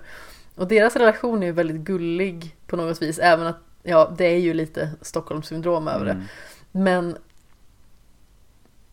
Denver när han försöker säga till henne liksom att du har Stockholmssyndromet. ja, Det är något av det roligaste jag varit med om. Han liksom bara, ah men du har ju syndromet. ja, Det är så, som att man har ett syndrom. ja men precis. Det är väldigt roligt. Och hon liksom bara, ja men alltså jag tycker ju om dig. Jag vill ju att vi ska ha ett förhållande här. Och så, och han liksom, men jag har ju inte syndromet. Ja, Ja, det är inte lätt. Han är ju så oförargligt korkad. Ja, men man gillar honom ändå. Ja, absolut. Alltså det är ju omöjligt att tycka illa om honom efter att han liksom bestämmer sig för att han ska inte döda henne. Mm. För det är ju där mycket vänder tycker jag egentligen. För där är ju liksom Berlin iskall. I Ja. att ja, men hon måste avrättas. Mm. Han vill inte döda henne. Och hon säger till honom, ja men skjut mig i benet. Och fejka min död. Mm. Och sedan så håller han henne undanstoppad i ett valv. Ja, Och lägger om såret och kommer dit med förnödenheter och sådär. Ja, ja, men precis. Det var ju där sprickan egentligen startade i gruppen sen. Det är ju ett- i, i princip där alla problem utmynnar sig efter det. För dem. Oh ja. Det grundar sig i den liksom. Och professorn var ju väldigt noga med att ingen får dö. Det var liksom det viktigaste. Ja, alltså dels så vill han ju att, att ingen ska dö och dels så vill han ju liksom att planen ska gå efter punkt och pricka. Mm. Såklart. I och med att han är ju lite av en, en perfektionist men han har ju alltid en, en extra plan i bakfickan. Mm. Ifall saker skulle gå snett. Ja, men precis. Men otroligt bra serie, måste jag säga. Ja, verkligen. Eh, och jag tycker den lyfter verkligen med säsong två. Jag ja, tycker att den blir mycket bättre och sen så, nu har jag börjat se säsong tre och jag är väldigt peppad på att fortsätta se. mm. För jag tycker att den började väldigt bra. vad skönt att du Ja. inte tycker att jag har lurat in dig på någonting. Nej, nej, hittills har det inte hänt. du har inte lurat in mig på någonting som jag inte har tyckt om Yes! än. Sex Mm. Education var ju, var ju verkligen topp. Ja, Alltså den, jag tänker Mindhunter. ja Mindhunter var också jättebra, men Sex Education tycker jag nog varit bäst hittills. Den var så Ja, Den är riktigt bra. Alltså jag, jag tänker fort, alltså typ dagligen jag tänker på Eric och hans minspel. Tycker det är så himla roligt. alltså, det är helt fantastiskt. Eh, Ja, definitivt. Men grejen med sex education, det är liksom att den är så annorlunda i relation till allt annat man ser. Ja, Den har liksom en helt annan färgstarkhet, en helt annan palett, ett helt annat uttryck. och speciellt när vi gick från Euphoria till Sex Education. Som är en ganska så mörk ungdomsserie egentligen. Verkligen, men de behandlar mycket samma saker ändå som identitet. Men på ett annat Eh, vis. Men på ett helt annat sätt. Så det, det är typ, alltså det är typ topp tre serier i år hittills. Det är liksom Sex Education, Euphoria och Chernobyl för min del. Mm. Jag har nog inte bestämt mig än Mm. faktiskt. Men eh, sex education är ju definitivt där uppe och nosar. Afterlife också. För mig. Jag vet att inte du var ett jätte... Alltså helt, Fan. helt okej, men det är inget som jag liksom känner var fantastiskt på det sättet. Mm. Tycker Derek var mycket bättre. Jag har inte sett klart den. Och det finns ett så jobbigt avsnitt i säsong två. Åh, jag ska inte spoila. Jag tror att jag vet vad det är du syftar till. För jag kan ha fått det spoilat för mig. Okej. Men jag ska inte spoila det här för att då kanske någon annan blir spoilad och Och blir ledsna. kanske någon blir arg på mig och kastar kottar på mig. Det vill Mm. jag inte. Men det är också en sån här grej liksom som, eh, som man har börjat se. För att man sett den med någon och sen så bara, ja ah, men eh, det kommer någonting annat i vägen eller sådär. Det är samma Mm. sak, eh, Until Dawn tog ju ganska lång tid att spela igenom. Bara för att jag och min kompis, vi lyckades liksom inte få ihop det. Så vi, jag tror vi började spela det i november Ja. och spelade typ halva spelet då på en kväll. Mm. Och sen så eh, spelade vi klart det i juli. Oj, ja det var lång tid. Ja, så det var ett ganska stort hopp där, så då spelade vi klart det på en kväll och en förmiddag. Mm. Varav kvällen, alltså jag är helt förundrad över att inte min granne liksom har sagt någonting om den kvällen. För att min kompis, han nöp mig i benet. Precis i ett läskigt ögonblick, så jag skrek ju rakt ut. Superhögt. Verkligen.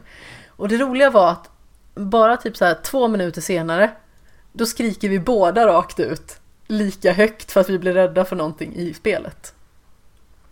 Och jag kände bara så här att om inte min granne kommer att klaga snart då måste jag nog få veta om min granne fortfarande lever. Ja men det klarade sig ganska så bra ändå. Ja, Jag har inte spelat Until Dawn. Nej just det, det har du nog sagt. Jag har, jag tror det var med på PS Plus någon gång så jag tror jag har lagt det in. Jag köpte det i fysiskt exemp- exemplar naturligtvis. Ja. Men det var väldigt bra. Alltså ja, det är ju ett, folk säger det. ett spel som leker väldigt mycket med skräckkonventioner. Mm. Så det är liksom inte det att det känns som vilken annan tonårsskräckfilm som helst. Nej, Utan det känns som att de har en baktanke med det hela okej. faktiskt.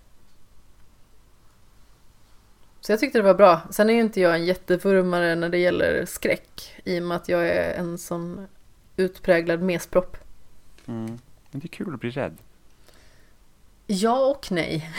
Alltså okej, det är kul att bli rädd när man vet att man inte kommer till skada. Jag ska inte säga att det är kul att bli rädd när det faktiskt gäller. Nej, nej, Men- såklart. Men alltså, jag är dålig på att bli rädd. Jag blir lite så här passivt aggressiv. Hur då?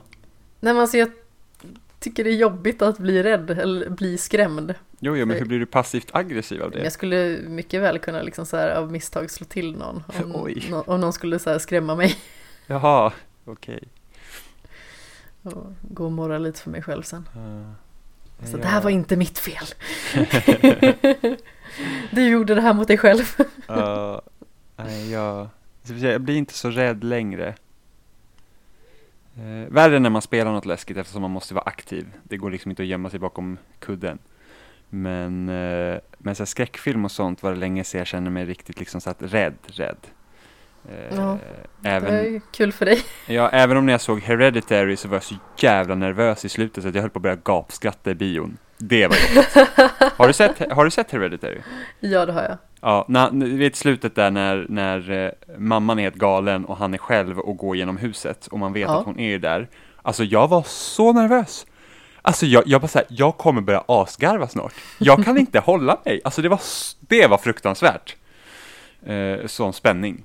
Och det har jag nog aldrig känt liksom i en film förut, att jag liksom får den reaktionen. Sen har jag ju varit livrädd, typ The Grudge, den amerikanska versionen, det kan vara den läskigaste film jag sett. Mm. Eh, alltså det, det var månader av mardrömmar.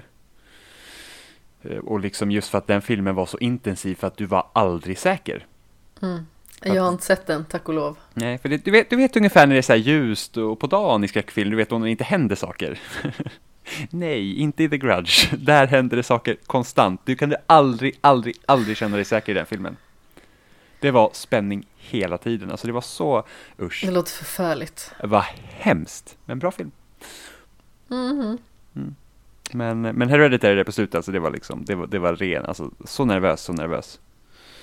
Ja, jag instämmer och det fullaste. Också bra film. Jag tycker ju att den bästa skräckfilm jag har sett på senare dagar är ju A Quiet Place. Ja, den är bra. Väldigt bra. Jag tycker ju, precis som i mycket annat så eh, tappar det lite grann när man väl får se monstren. Ja, Det är ju mycket mer spännande när man inte får se vad som händer. ja, och inte vet varför. När man liksom svävar fullkomligt i ovisshet. Det är det som är det läskigaste. ja. Alltså bara en sån sak som, alltså inledningen i A Quiet Place är ju något av det mest spännande, fruktansvärda och fantastiska jag har sett. Mm. Ända fram tills man får liksom bekanta sig med monstret eh, första gången. Även att man då inte får se monstret utan det är bara någon som sveper förbi och tar den här lilla pojken. Mm. Det är så bra, verkligen. Men den såg jag ju på bio själv första gången. Ja, okej. Det gick ju bra. Ja. Usch. Ja, nej men det gick faktiskt förvånande bra. Det var inte som när jag och min kompis var och såg eh, del ett av eh, It.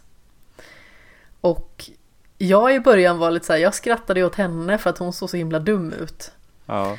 För att hon satt där och hon hade liksom inte ens öppnat sin godispåse. Hon hade öppnat sin dricka och sen stängt den igen utan att dricka. Och hon satt med båda händerna framför ögonen och kollade igenom liksom en liten glipa. Sådär.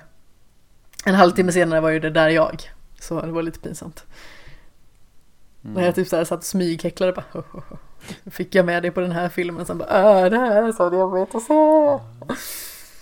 För att jag är feg. Jag tyckte om första It. Jag tyckte att det var, den var lite för brölig när clownen var med. Det var väldigt Ja. mycket så här högljutt och bara så här, det var liksom in your face hela tiden. Så det tycker inte jag är jätteläskigt. Eh, Men början var ju liksom, alltså det var ju så jävla rå i början när typ armen eh, tuggas av och grejer. Det hade jag inte Ja. räknat med. Ja, den är väldigt brutal faktiskt. Ja, men där är ju också, det är ju nästan det läskigaste när man inte vet. Eller det vet man ju om man har sett naturligtvis förlagen eller om man har läst boken. Men att den här clownen då visar sig i personernas eh, liksom ultimata skräcksskepnad. mm.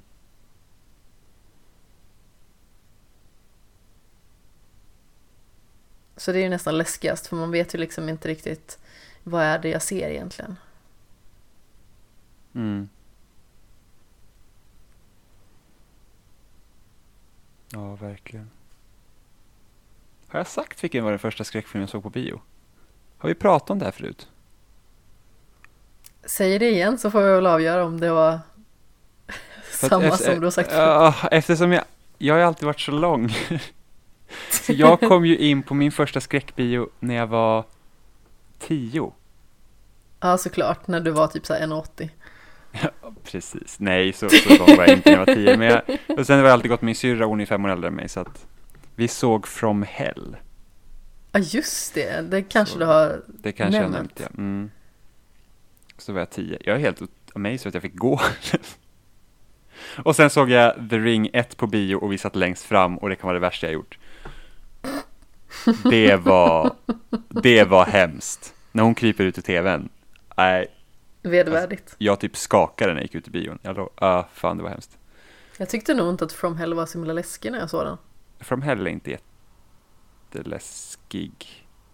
Som Nej. tioåring kanske den var lite creepy. Men... Ja, jag eh, måste väl ha varit 9-10 också. ja. när jag såg den. För att jag eh, hade inte heller något jättestort filter när det gällde filmer som ung. Ja, du fick också se lite vad du ville. Ja, dels det och dels var det ju att man kanske såg filmer som föräldrarna har sett förut. Och då var det i mångt och mycket så här att ja men vi kan säga till dig när det kommer bli obehagligt här. Och då Jaha. kan du hålla för ögonen om du vill. Ja. i stort sett. Och såg vi någonting som var nytt så börjar de kanske hinta om så här, ah, men det här skulle kunna bli läskigt. Så Ah. var på din vakt lite grann. Och så gick det inte till hemma hos mig. Bara så här, släpper tyglarna totalt. Ja, nej men alltså jag och min stora syster vi tittade ju på vad som helst. Det var ju liksom så här typ, alltså jag var ju sju när jag började se på skräckfilm. Oj, Ja, som sagt, hon hamnade, alltså min syrra hamnade i den åldern då, när man är så här 12-13 år, då börjar man ju typ kolla på skräck, en normal människa. Eh, och eftersom vi umgicks väldigt mycket när vi var små så blev det så naturligt att jag också gjorde det. Så att vi kollade så på Scream och Halloween och alla de där filmerna liksom. Fan, Halloween 2 med musiken, alltså fy fan vad läskigt. Så sov vi, så sov vi, jag och min syrra, vi såg liksom skavfötters i sängen så här och var skiträdda. och kollade på skräckfilm liksom. Det är helt galet. Jag, förstår inte att, att det var tillåtet, men det var det.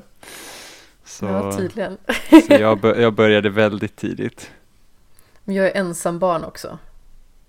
Så därför blir det ju liksom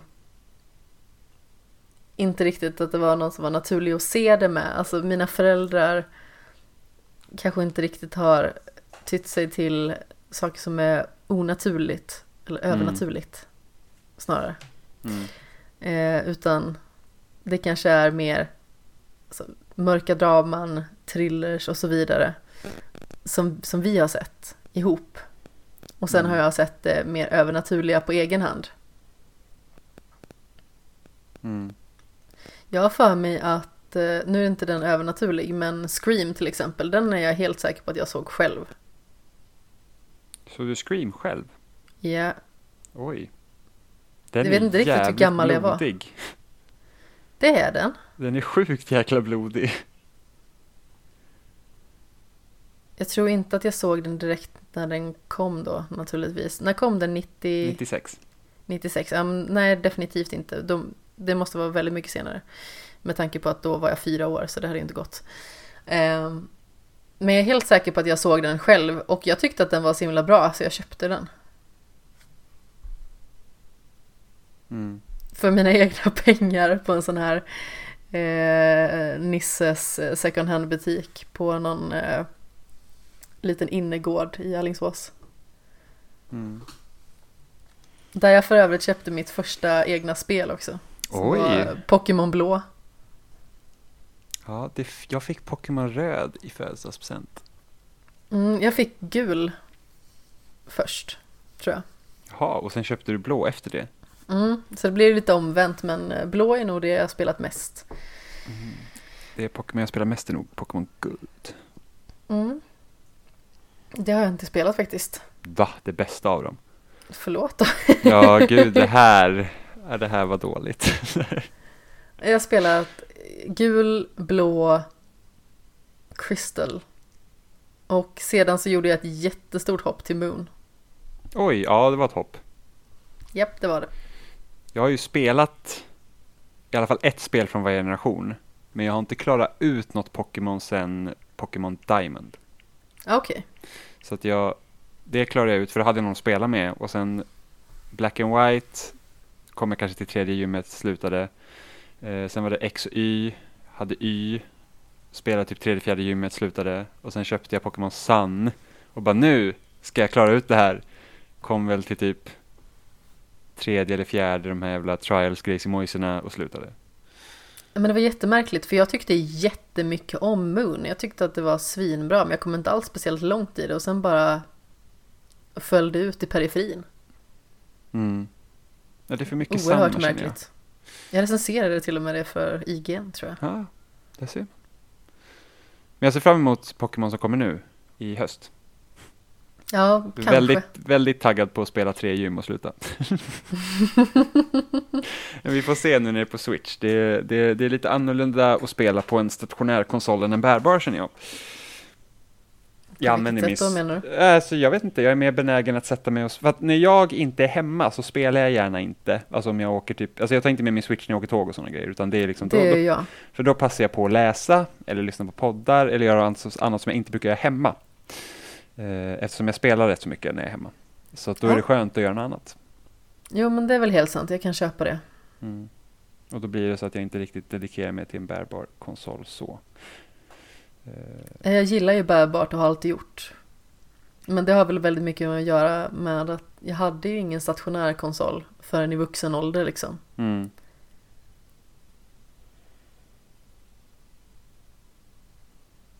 Precis. Är du kvar? Jag, jag är kvar, jag är kvar, jag är kvar. Jag funderade. Jag bara, Jag tänkte bara så avled du nu. alltså jag bara, åh gud, nej, är Eh, Jättechockad. nej, nej.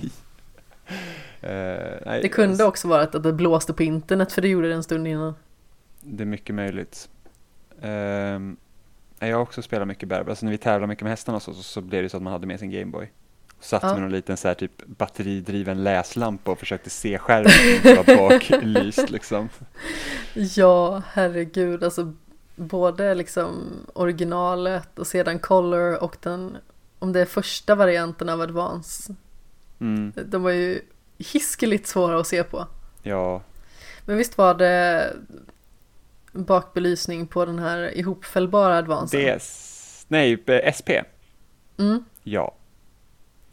Eller ute och cyklar? Nej, nej, det var, det var baklyse. Belysning i baken.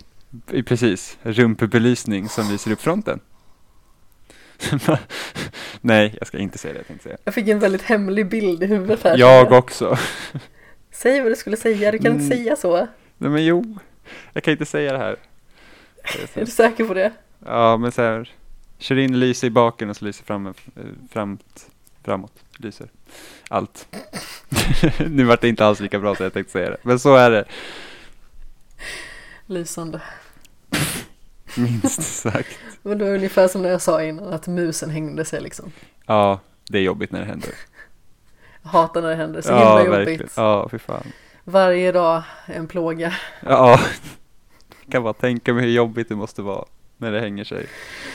Åh, Ja, Jag tänkte bara säga återigen eh, tillbaka till La Casa de Papel för vi har kommit väldigt långt ifrån den. ja, I och med att vi har lyckats komma från en spansk serie till en japansk spelserie. ja. Ehm, att finalsekvensen med Berlin och professorn när de står och sjunger. Alltså det är helt underbart. ja. Jag tycker det är så bra. Och framförallt den här eh, versionen av Bella Ciao som är med. Den är ju så himla, himla svängig. Jag vet inte hur mycket jag har lyssnat på den det senaste. Det är nästan fånigt. Alltså, från början så är ju eh, Bella Ciao, det är ju en eh, partisankamp, eh, kampsång Mm. från Italien. Alltså som de sjöng under andra världskriget. Mm. Så den är liksom eh, placerad i en väldigt annorlunda kontext. Men den fungerar väldigt väl även att den är italiensk. Då. Mm. Eh, och jag, om jag inte är helt ute och cyklar så sista eh, raden som de sjunger är ju eh, Morto per la libertà. Mm. Inte jättefantastiskt uttal där kanske men. Eh, och det betyder i stort sett, om jag inte missminner mig, att eh, de dog för friheten. I Mm. stort sett. Ehm, och det knyter väl ändå an till serien på något vis liksom att eh, de gör det här och offrar allt för att kunna ha en fullkomlig frihet eller någonting sånt. Mm. Och det knyter extra till bra med tanke på att de sjunger i den låten, alltså rånarna, de, som är inne i myntverket, de sjunger ju på den när de, är det när de får upp valvet första gången? Det tror jag. Eller är det, nej för det var inte, det var Denver och Moskva som öppnade valvet med massa pengar och sen var det väl när de typ ska börja slå hål, jo, när de ska börja gräva tunneln och kommer åt marken. Just det. Då sjunger de den och då har man ingen kontext till vad låten betyder för någonting. Nej. Utan den kommer ju i slutet. Och det är där man liksom får hela den här grejen med att okej, det är, det här är något större. Än vad man, det här handlar inte bara om att få pengar. Exakt. Och det, det tyckte jag var väldigt snyggt. Ja.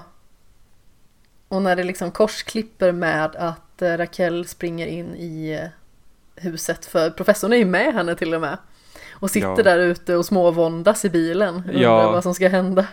Det är väldigt roligt när man får se hans ansiktsuttryck när han sitter där och bara så här, "Ah, ska jag följa med efter eller vad ska jag göra för någonting? Hmm, Mm. ja det är riktigt bra. Ja, verkligen. Jag tycker det roligaste också är ju, du gillar ju inte professorn i början, men jag Nej. gillar ju honom bara mer och mer hela tiden. Ja, I och för sig, det gjorde ju du också nu, när ja nu, nu, omkring. ja, nu, ja, jag är f- professorn-fan. Ja, han är fin. Det ska bli intressant att se vad som händer sedan. I och med att du har kommit lite längre än jag så Ja. får du invänta mig lite grann. Ja, jag undrar om det är tanken att det ska bli fler säsonger efter den tredje sen. Har du sett klart säsong tre? Nej, nej. Men jag undrar jag undrar om de har kanske en säsong till i sig beroende på hur säsong tre slutar. Mm. Ja, det är För att- mycket möjligt. Ja, för att jag känner, jag, jag känner att det här är en serie som de inte kan dra ut på så himla mycket. Nej. Det blir ju också gärna lite konstigt för jag gissar ju att de förr eller senare kommer komma ut i verkligheten. Mm. Och då försvinner ju lite granna dels den ultimata spänningen och dels charmen på något vis. Mm. För grejen är ju liksom att de är inne i det här myntverket. Mm. Och hur mycket det spårar ur för att folk kan inte hantera den situationen, vilket inte är så himla märkligt i och med att de vistas och andas samma luft hur länge som helst, Mm. så nära varandra. Konflikter uppstår, missförstånd uppstår, saker som är fullkomligt eh, oförutsägbara uppstår i och med Mm. att vi har liksom ett gäng individer som till exempel är en skolklass och även de som arbetar där liksom. Man kan ju inte förutse hur de ska tänka och hur de ska agera. Nej, men precis.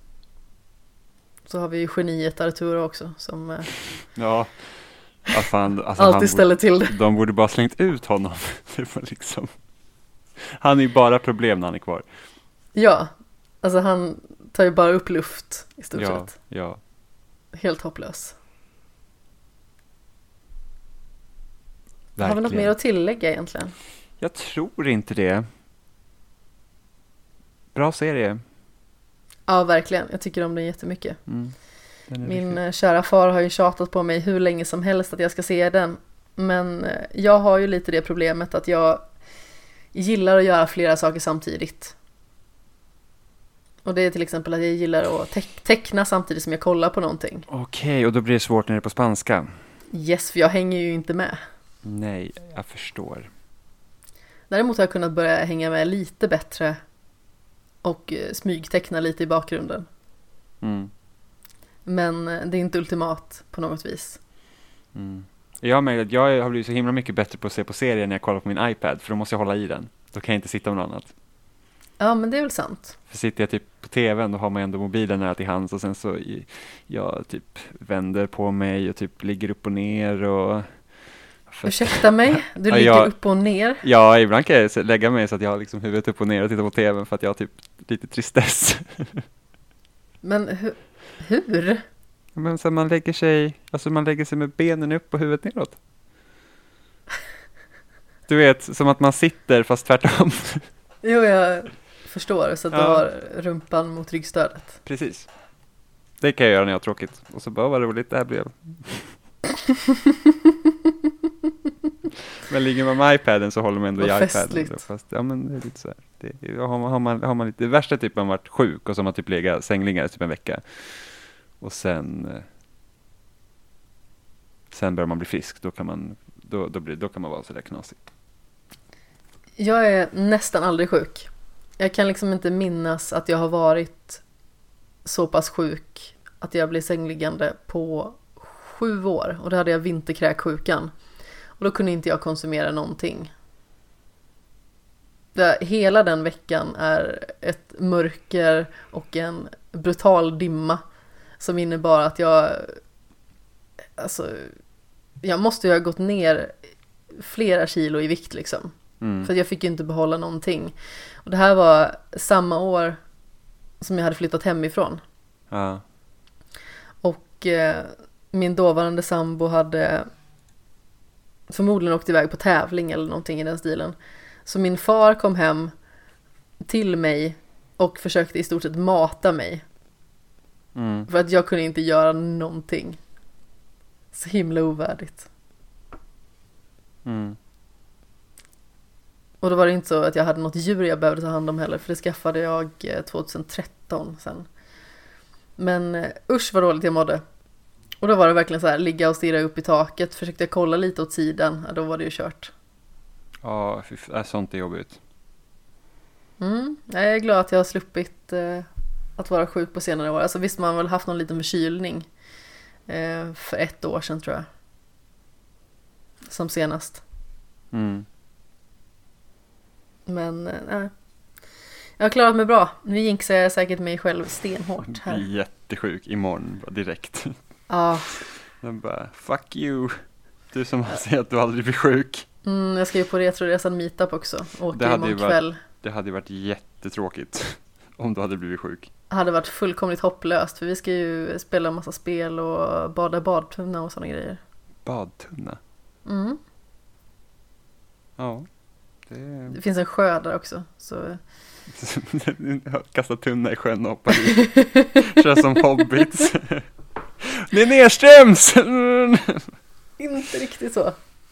Men det hade varit roligt. Ja, men förra årets upplaga av Retroresan Meetup, då hade det börjat bli lite kyligt faktiskt.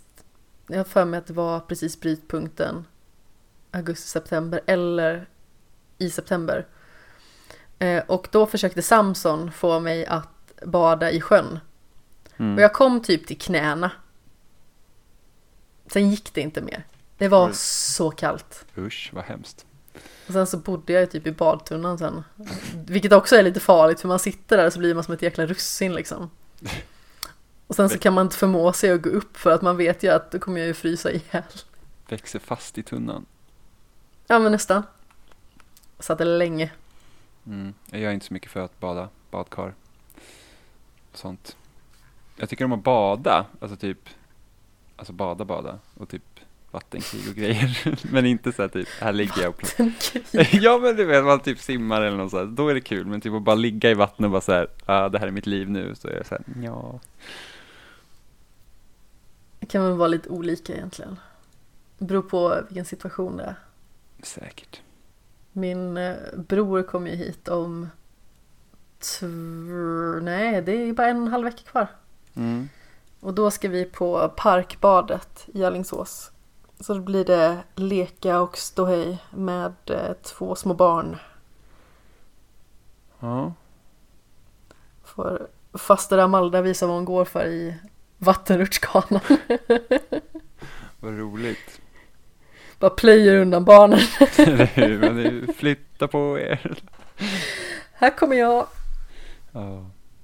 Jag kan verkligen se det framför mig att jag är den typen som liksom bara skulle så skuffa undan en unge och bara nu är det fasen min tur. Men gud. Det är lite hemskt faktiskt. Nej, är det verkligen det? Jo, Ja, det är det. Jag kan tänka dig typ du går in på så en lekpark och så går du upp i rutschkanan och puttar bort ungarna för att åka typ den här en meter ner. Ja, Det är lite hemskt. kanske lite då. Ja. Men jag är fortfarande ett stort barn. Det Mm. kanske man inte tror. För att många tycker nog att jag är lite torr. Men eh, något av det roligaste att göra det är ju typ att gå på trampolinpark. Det finns ju en typ 100 meter ifrån där jag bor. Jag har inte varit där fullt så många gånger som jag har velat. Men eh, jag har varit där några gånger. Och det är jätteskoj. Och man får hoppa högt. Och sådana saker. Gud, det låter livsfarligt. Ja men det är ju en massa studsmattor. Det är ju jätteskoj. Och farligt. Nej, nu tycker jag att du är lite känslig här. Jag hade brutit någonting, jag lovar. Kanske. Om, jag, om, om det går att göra illa sig, då gör jag illa mig. jag är helt säker på det. Men som var jag också. Jag har ju brutit eh, ben och fot och tår och sådär. Mm. Jag har aldrig brutit någonting faktiskt. Nej. Det är lite oskönt faktiskt. Men jag har inte Ja. brutit någonting efter att jag var 14 kanske. Jag har inte brutit något sen jag sist bröt någonting. Ja, grattis! Ser? Full kontroll. Ja. Vad säger du, ska vi börja kalla det en kväll? Ja, ja, jag tror vi har tömt ut det vi ville säga om det Ja. vi pratade om. Vi är snart uppe i tre och en halv timme här, suttna. Så Ja. eh, I vanlig ordning. ja, det är så det går till. Så är det. Inga fyra timmar den här gången. nej, nej, och, och, och lite tidigare också. Ja, men det roliga var ju för den som inte liksom är med så kan de liksom inte förstå hela kontexten här eller för att då ser man ju bara så här, ja men det här är ett fyra timmar långt avsnitt, oj, så det spårade ur. Men det här var ju att vi satte oss och började prata klockan halv tio på Ja. kvällen. Satt fyra timmar, pratade ytterligare en halvtimme utöver det. Sen hade jag problematisk klippning under natten Åh, för att programmet kraschade. Sedan så gick det inte att ladda upp filen för att den var för stor. Oh. Ja, det var eh, massa krångel. Ja, och du gick och tränade och grejer under tiden och sen kom tillbaka och hade löst sig igen. Och jag satt fortfarande och klippte. Så var det Ja. så här sänggång klockan halv fem på morgonen eller någonting. Och jag skulle upp halv sju. Ja, det var ju det värsta. Jag var ju ledig dagen efter så jag kunde ju vara vaken sent utan problem. Ja, det var värt det. Helt det- klart. Det blev bra. Ja. Men eh, vart hittar man dig för någonstans? Eh, mig hittar man i eh, Spelsnack podcast. Eh, ja, Spelsnack egentligen om man söker på podcast-app. Eh, och jag skriver på loading.se eh, och eh, Separat13 på Twitter. Ja, men det stämmer. Och jag heter ju Kapten Sten på Twinter. Äh, Twinter. Herre jösses vad ord inte fungerar. På Twitter och Instagram. Det är alltså två separata ord. Två plattformar för sig. Eh, sedan så finns naturligtvis skämshögen på diverse platser. Eh, Facebook, Instagram, Twitter. Där poddar finns i allmänhet. Och man får jättegärna ställa frågor, ha funderingar, förslag eller önskemål jätteroligt bara att kunna eh, spåra iväg till någonting helt annat, alltså som typ det där med böckerna innan eller eh, som våra topplistor för några veckor sedan. Mm. Det ger lite en extra krydda till det hela, tycker jag. Det är kul. Jätteroligt. Men eh, du och jag hörs ju snart igen, gissar jag. Det gör vi. Och eh, kära lyssnare där ute, puss i ljumsken.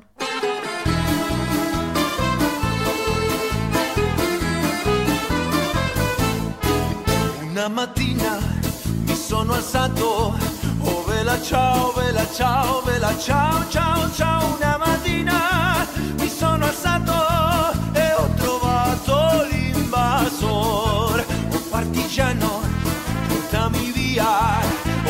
ciao, vela ciao, vela ciao, ciao, ciao. Partigiano, portami via, che mi sento di morire.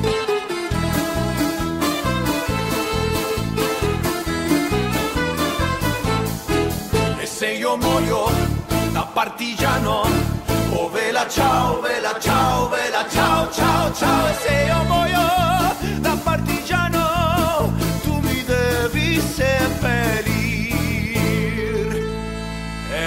separate.